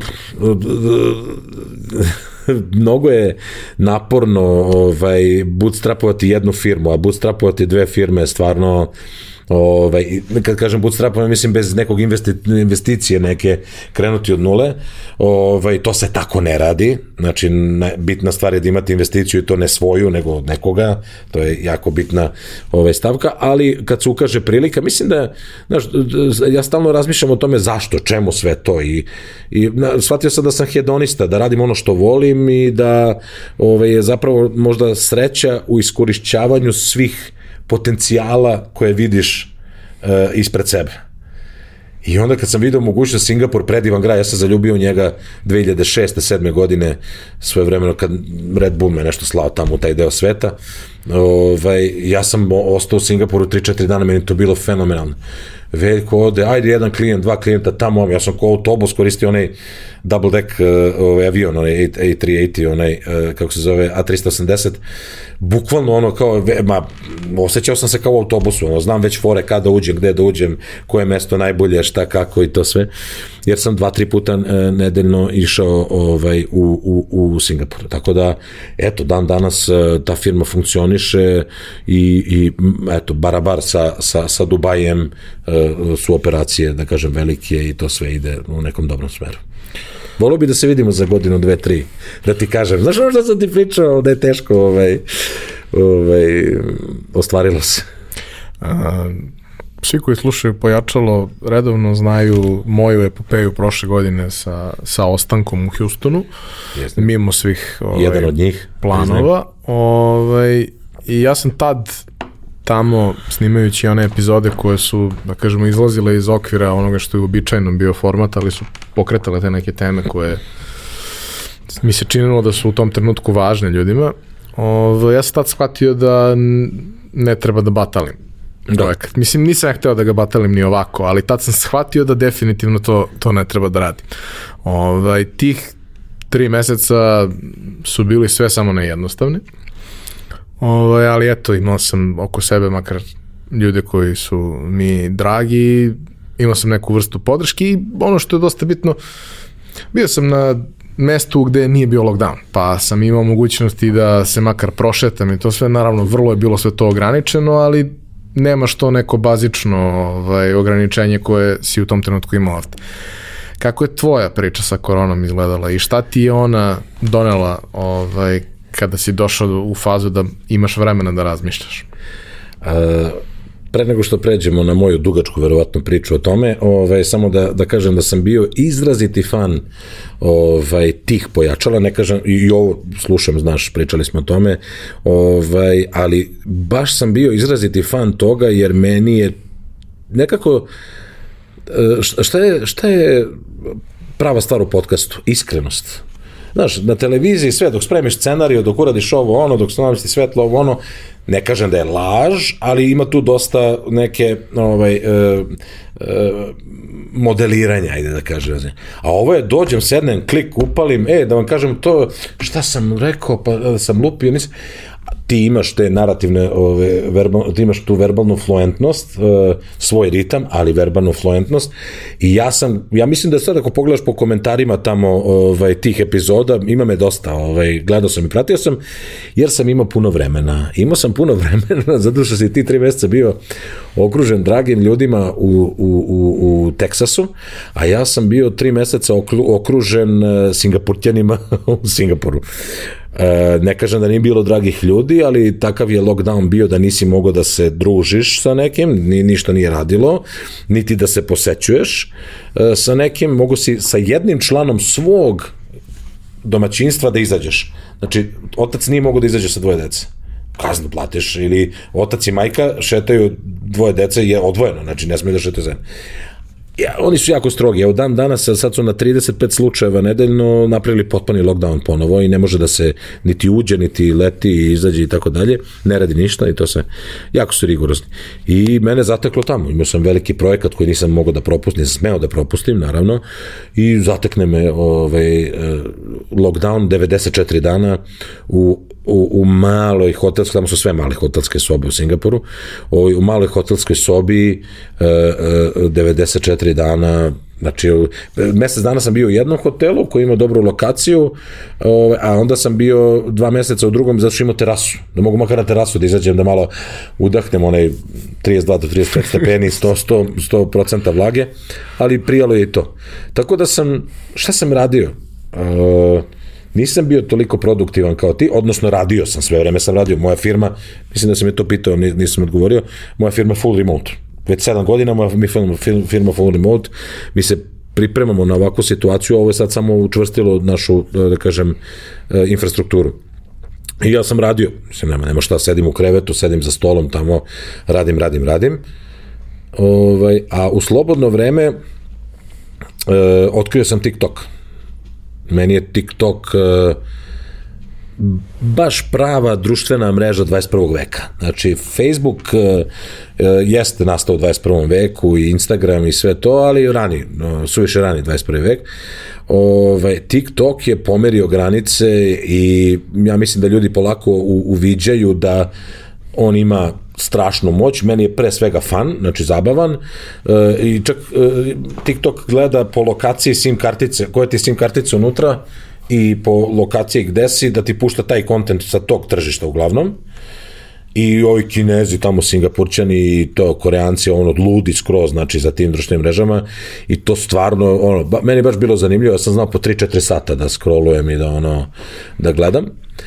I, I tu mislim da je jedna od suštinskih stvari TikTok, uspeha TikToka u uh, usmerenoj kreativnosti. Oni ti daju voice over koji ti trebaš da sinhron, da, da, da dabuješ ili daju ti ples koji trebaš da odigraš ili neki stil videa koji trebaš da, da o, ovaj, učenje po modelu, je tako? Ovaj, da, da, da, ponov, da, da reprodukuješ i usmeren si, a na YouTube evo ti ovo, pa ti nešto napravi, znaš. Mislim da je tu jedna velika, velika prednost TikTok. Tako da sam otkrio TikTok, radio sam sa Vojom Nedeljkovićem, eto, mojim guruom i dragim prijateljem posle, naravno, ovaj, radio sam live kviz, uh, uh, Instagram kviz kao milioner, E, bukvalno sam kao, ista, a čekaj, mogu da ga stavim i na YouTube, pa sam stavio nešto kao da to izgleda na milioner, 15 pitanja, radio sa uh, Vojom Nedeljkovićem, sa Sanjom Marinković uh, i sa Hristinom Popović.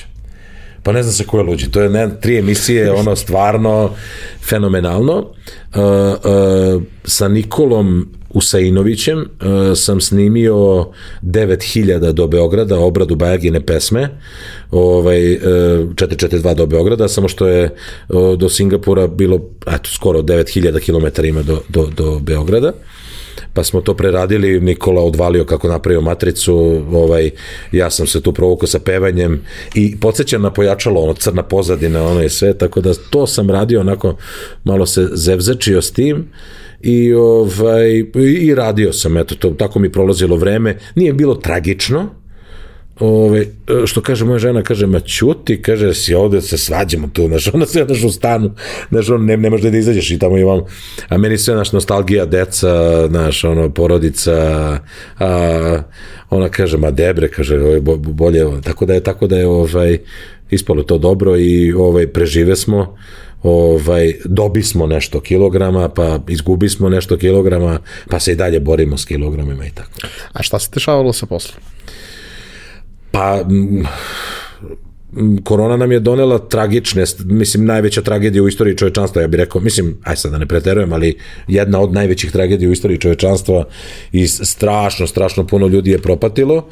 E, kada je bila prva ona kriza 2008. godine, pričali smo nisam se snašao i to je bilo ono katastrofično za moju firmu, ali i za mene lično i privatno. A ka, sada kada ovaj, um, je došla ova kriza, ona je išla na ruku faktički našem biznisu, jer smo mi digitalni biznis. Znači, nema kontakta, više komunikacije ide digitalno i troškovi se seku. A mi smo to, to baš taj tip komunikacije i to da se seku troškovi propagirali i pre toga. Mi, mi se mahom baziramo na na premisi Gary Varnečuka, Gary Vija, eh, Today Every Company is a Media Company. I bi mogu, presrećan sam što sam bio u Hong Kongu kada je on to nije možda prvi put izgovorio, ali kada je to odzvonilo najviše, ovaj, kada je rekao Today every company is a media company, a onda ja dodam ispod we can help you become one. Znači, ovaj, svaka, svaka kompanija danas mora da bude uh, medijska kompanija za sebe, da proizvodi svoj sadržaj, da ima ne samo uh, u smislu promocije, nego i komunikacije komunikacija sa svojim zaposlenima. Da. Danas sam imao razgovor sa firmom koja radi održavanje fabrika u ne znam koliko zemalja u svetu njima stalno izlaze novi servisi, novi preparati, nove mašine i to sve, oni stalno moraju da obučavaju ljude. Ranije okupete neke ljude pa ih obuče, a sada je to webinar, seminar, trening, video i to sve. Tako da, potreba za videom je postala veća, za kvantitetom videa, opet na našu stranu ide, e, postala veća, nije, nije postala potreba za TV reklamama veća, nego je postala za tim digitalnim videom koji mi radimo i e, išlo nam, i, i, E, mislim da je e, malo teže da, da se čovjek prilagodi sve, ali nije da nam nije išlo na ruku. Moramo da budemo jako zahvalni što smo na tom delu biznisa. Uh, nekome ko nikad nije bio u Dubaju, ako razmišlja da dođe, ok, s jedne strane razmišlja da dođe turistički u redu, to je negde da. manje više jasno i tu ima dovoljno na YouTube, ali ovaj, razmišlja da dođe i da ili preseli svoje poslovanje tamo ili da otvori i tamo svoje poslovanje i da neku priču koju ima proba da postavi tamo, šta bi savjetovao kao uh, način da se informiše, šta prosto treba da ima u vidu uopšte ako razmišlja o tom tržištu, šta, šta, šta bi volao da ti je neko rekao tada kada si ti dolazio? Uh, vrhunsko ti je pitanje. Ovaj, ja sam te već pozvao da dođeš na Jitex u oktobru mesecu, od 17. oktobra. Ovaj, moj neposredan povod, by the way, dolaska u Dubaj je bio Jitex, a sada je Dubai World Trade Center, centar uh, zapravo naš najveći klijent uh, u Dubaju i radimo sa njim već tri godine i, i sve. Ali kao i za Dubai World Trade Center, gde mi je moj ajde kažem, poznanik, prijatelj, a hoću kažem, šta ti je potrebno, ja sad kažem potrebno ti je da znaš nekog da ti objasni neke stvari koje su uh, jednostavne, stvarno jednostavne u Dubaju, da ne moraš da, da ideš unokolo. Naših ljudi, ima oko 10.000, eksiju populacije oko 20.000 u, u celim Emiratima. To je već, ajde kažem, značajna uh, uh, uh, populacija. Mi smo pre, pet go, pre šest godina pokrenuli portal koji se zove našbiro.com, znači na, nasbiro.com, koji je namenjen eksiju populacije na Bliskom istoku upravo iz ovog razloga. Da povežemo ljude, ali da se ne lažemo, da povežemo i mene kao osnivača tog ovaj, portala sa, sa mnogo naših ljudi i on je od, od, odradio svoju svrhu, evo dan danas ovaj, kada sam tu već 8 godina, ovaj, pa ne, i on ima 7 godina, čoveče, da, da, da, on je, njega sam godinu dana kasnije pokrenuo. Ovaj, bili smo raštrkani, to su bile neke Facebook grupe i dan danas su Facebook grupe tu i stvarno znaju ljudi da pomognu i tako dalje, ali sigurno najbolji način da započnete je da sednete sa nekim od naših ljudi, jer su naši ljudi ekstremno ovaj, uh, otvoreni da pomognu svima, jer tako je neka atmosfera u Dubaju nema nas puno, a ima nas dovoljno. Sad sam bio, pre nego što sam došao u Srbiju, na, na jednom fenomenalnom skupu e, e, XU Hub ovaj, e, koji organizuju e, Validi i Mersiha. Ovaj, gde okupljaju naše ljude. Mi smo, mi, na, na, ovaj, naš biro opet okuplja naše ljude, Facebook stranice, e, da, Dubai Serbs i tako dalje. To su stvari koje okupljaju naše ljude. I ja predlažem svima, na kraju krajeva veći deo mog biznisa je došao kroz naše ljude. Znači, hoće da te preporuče, hoće da ti pomognu, hoće da te posavetuju. Evo sad su mi dolazili e, rođaci, ovaj, e, kako se zove, u, u Dubaji, ja na, na grupi pitao, ali ima neko ko zna, na laboratorijskim molekularni biolozi mi dolaze, pa je nešto, javilo se brdo ljudi, izovi mene, znam ovoga, mogu da te povežem s ovim onim. To, evo, to je moj prvi savet. Drugi savet je, ovaj, dođi. E, odnosno kogod pita tebe, moj savjet je dođi. Dubaj je jedna svetska metropola, rekli smo alfa metropola, to znači da je među deset naj poželjnijih gradova i najlepših gradova za život i imaju tendenciju da budu najbolje, ne tendenciju, nego strateški plan da postanu najpoželjnije mesto za život i veoma su blizu toga, jer pored sigurnosti i mogućnosti da zaradiš, što šejk Muhammed uh, bin, Raš, bin Rashid Al Maktum, vladar Dubaja, govori stalno, da, daj, čo, daj ljudima sigurnost i mogućnost da zarade i to, to će im proizvesti sreću imanje sistema, stalno unapređivanje sistema infrastrukture je jedno, uh, uh, poslovna klima i biti hub povezan sa uh, letovima bez presedanja sa celim svetom je drugo, ali isto tako uh, uh, biti, znaš, uh, biti u gradu gde imaš najvišu zgradu na svetu, najveći mol na svetu, najveću fontanu na svetu, naj, najveći, najviši hotel na svetu, najviše rezidencijalna zgrada na svetu, sve najveće veštačko ostro, naj, najveće,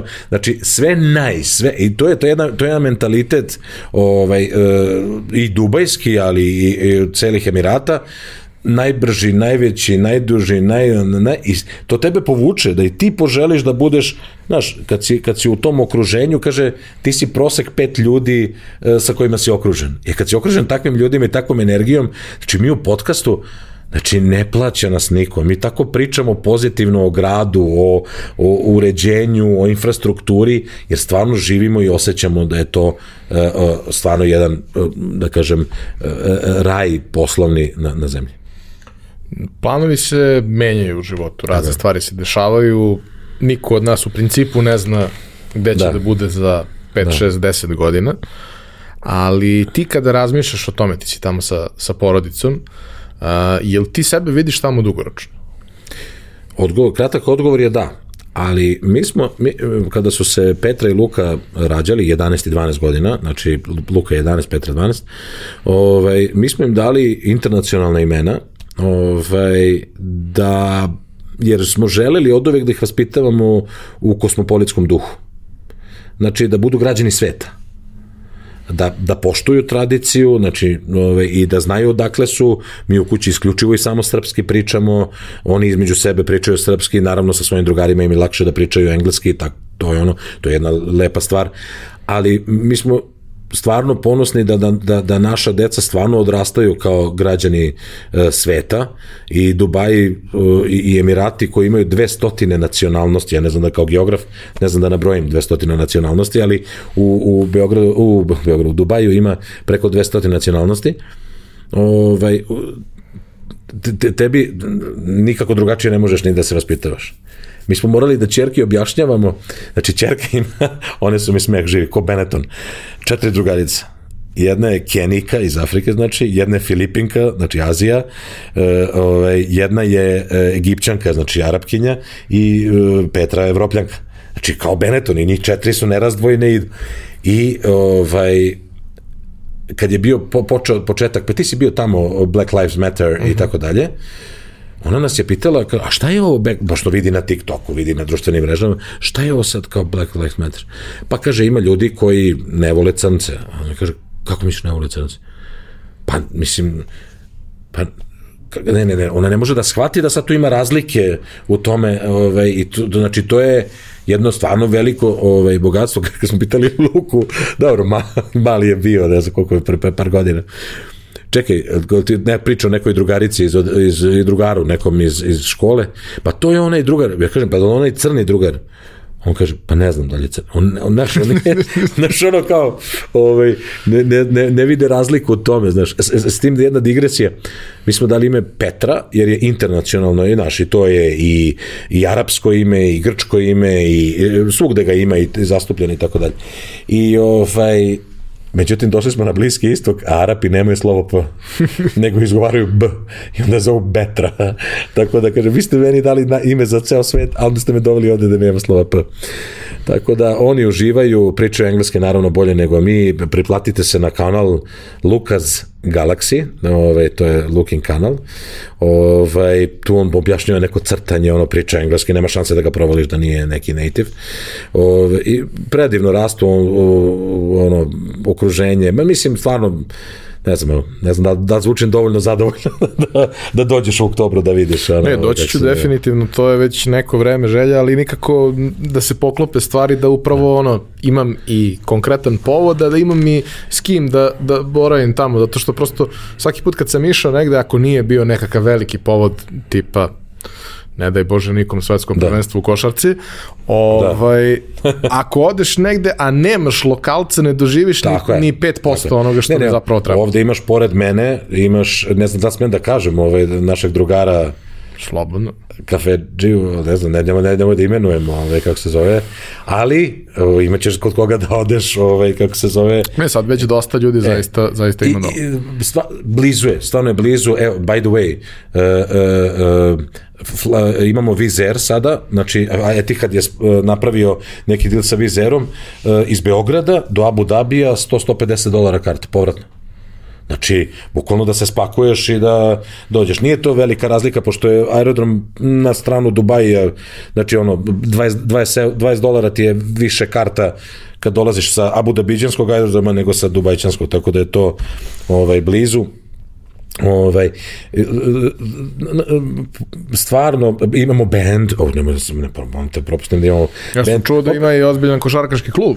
E, jeste, ali ovaj, nažalost ne, ne mogu, znači za sa ovom kilažom ovaj, ne mogu da, da, da, da izvrćem kolena iz lobove i tako dalje, ima, ima, mi smo, da, naravno, da zanimljivo je stvar, košarka, ti ne možeš da zamisliš koliko su Filipinci napaljeni na košarku. Znam, znam. A to ne možeš da shvatiš. I igraju odlično, čoveč. Znači, gde, gde moj, gde moj ovaj, e, sin trenira, taj uh, Star Basketball Academy, imamo našeg trenera, ima, ima jedan Afrikanac i ima jedan Filipinac. Ozbiljan trener, ozbiljni pristup, znači on stvarno fenomenalna škola i sve to. I ka, kako je moguće da oni ne, ne mogu da naprave reprezentaciju ono 200 miliona stanovnika, znači pa, ono fizikalije, gledao A? sam ih na svetskom prvenstvu. tako? Šta ko je? Šta, šta je ovaj Bili su s nama u grupi i oni su izgubili nešto 50 razlike pa to. od nas. Imali su na centru su suštinski imali samo Andrew Bleča koga su doveli koji je došao sa 25 kila viška i bio najdominantniji. Ostali ljudi sad bez želje da zvučim kao rasista, ali nisi siguran da li se zagrevaju ili su došli da isporuče pice. Znaš, prosto fizikalija je takva da ne izgledaju kao, kao ozbiljni sportisti, ali činjenica je, ja sam pričao i sa novinarima i sa svima da je ljubav prema košarci tamo nevjerovatno. Ne, to, ne, ne, ali to, to, to u Dubaju, pošto u Dubaju daš, uh, i to, to je zanimljivo, znači imaš uh, uh, 83% su stranci. 70, 17%, samo 17% su lokalno stanovništvo.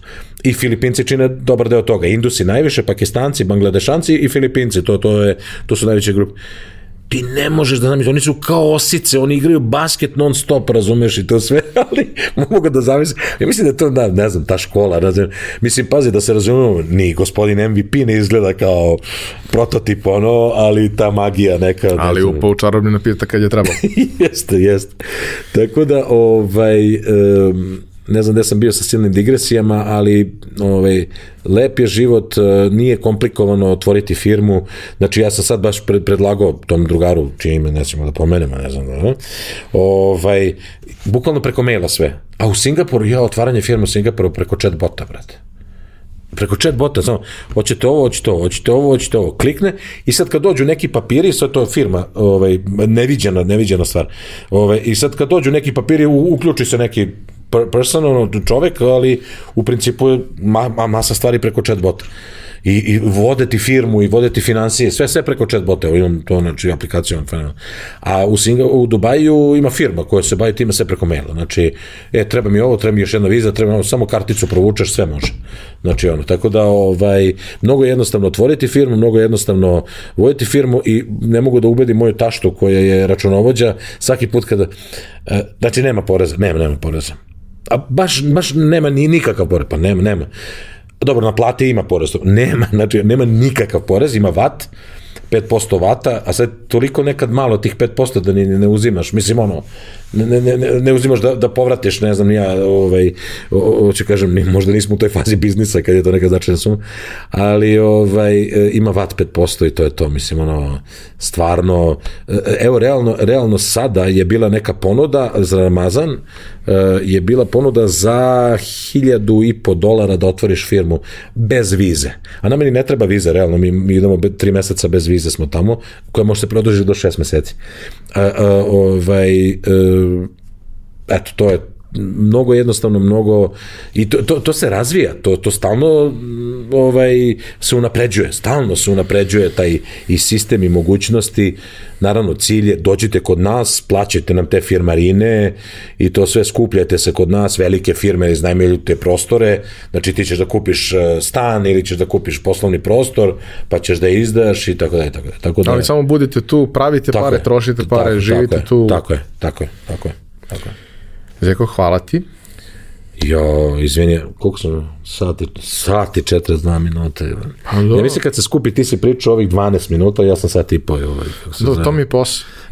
da slušaš ovaj, dok ne Hvala ti puno na pozivu, ja sam zaista fan, znaš i sam ovaj, uh, uh, kako se zove podcasta pojačalo uh, i, i fan onih tvojih kako si ih nazvao, single epizoda ili ne znam. Uh, nazvao sam ih epizode iz izolacije. Ili izolacije, da, da, da. Pa što, treba bi da, da možda tu i tamo neko snimiš tako? Pa na, nastavio sam da snimam ove specijale, to mi jeste da, format da, da, koji je, da kažemo, tematski, gde bih volao da se bavim više time, ali sam prestao da snimam epizode u kojima samo ja sedim i pričam, jer u nekom trenutku imaš potrebu da ovaj prebaciš makar deo odgovornosti na, dru, na nekog drugog, a da ne samo ovaj otvaraš dušu i, i, izvlačiš iz sebe sve te ovaj ali, ali sve te Miniću, ti, ti kao ovaj i Gary V, razumeš, ovaj izvini, ne znam da li si fan ili nisi, ali ovaj ti kao i Gary V, kao naš drugar Istok Pavlović, znači ja, ja svima objašnjavam, ljudi, ne, ne, ja znam, ti si, što kažeš, introvert, ono, pa ovaj, i Vuk isto, sa kojim radim ovaj podcast isto, kaže, ti si najveći u stvari potez napravio što si jednog introverta stavio pred mikrofon. Ali, ali ja mislim da de, da, da, davanje vrednosti Znaš, recimo, ovaj, ja sam veliki fan Isaka Adežasa ovaj, i njihov, njegovog instituta i dragog mi prijatelja Borisa Vukića i Zezdana Horvata i cele pričate, ali bio sam na jednom webinaru, baš kad sam bio ovaj, u lockdownu u Singapuru, ovaj, e, gde je Isak Adežas pričao da čovjek, čovjek zvani harizma, on ima godina na, i ono sve, i kaže on, vidi, kaže, od praistorije do industrijske revolucije, ko je bio najjači, taj je bio lider. Od industrijske revolucije, kad, je, kad su mašine zamenile tu snagu, ko je imao, naj, no, ko je imao mozak, odnosno ko je imao pamet, taj je bio ovaj lider. A sada kada imamo mašine, znači i, i kompjutere i AI, machine learning, sve, kaže, koje zamenjuje, da kažem, taj mozak donekle, onaj koji ima srce će pobediti. S tim u vezi, ovaj, tvoja, da kažem, davanje value i otvaranje, to ono što Gary V priča i što Istok Pavlović stalno priča, se, daj, pričaj, jer to će napraviti napredak i to će ne mora da ti se valorizuje sad da je sluša pa će da te angažujem, ne znam ono, ali, ali će se definitivno vratiti i to je ono što ja mislim da ovaj, je bilo kvalitetno u tim, da kažem, emisijama. Zato što, pa, znaš kako, mislim, od starta kad smo krenuli bilo je jasno da to neće pratiti nekakav ogroman broj ljudi, ali ja već 20 godina radim nešto ovako Just. na neke različite načine i nemam problem da menjam svet jednog po jednog čoveka. pa dobro, mislim, da to mi služe ovaj, alter, alternativni mediji, znaš, pošto stal, ovaj, dešava se da dobijem poziv za neku, ne znam, televiziju ili novine, ovaj, sa izuzetkom, naravno, ovaj, mog dragog prijatelja Deke Pantalića, ovaj, ja ne bih želeo da zvučim bilo kako drugačije, ja, no, brdo prijatelji imam i u novinama i na televizijama i sve, ali nije mi to ne, ne, nije mi sad trenutak, niti bi voleo da se pojavljam po, po medijima i to sve. Ali ovo je nekako intimno i, i naše i, i nekako stvarno ovaj, neke stvari koje su, ne znam da da li zovem alternativnim medijima, ali definitivno medijima koji će ono, igrati značajnu, značajnu ulogu u vremenu koje dolazi. Možda to lepo da završimo ovaj razgovor na, na toj noti, ono kao, znaš, velika, velika ovaj, stvar započeti nešto, biti early adopter kao ti, mislim, mi na kraju ono, Twitter koji nas je spojio svoje vremeno, ovaj, znaš, kad se začude kao 40.000 followera imaš na Twitteru, pa ja sam samo bio early adopter, znači, i u tom trenutku kviz malo, ali nije to, već je bio fade out, ovaj, kako se zove kviz, tako da, eto. eto. Hvala ti još jednom, hvala ti na pozivu. Ne znam da li ću baš da dođem za sajam, ali mislim da ću da iskoristim priliku i da dođem prvom priliku. E, e, sajam je u oktobru, a najlepše vreme u decembru i januaru, bukvalno kao naše proleće mi smo kupili jaknice, one prsluke. Preduzetničke prsluke, one tako Tako je, tako je.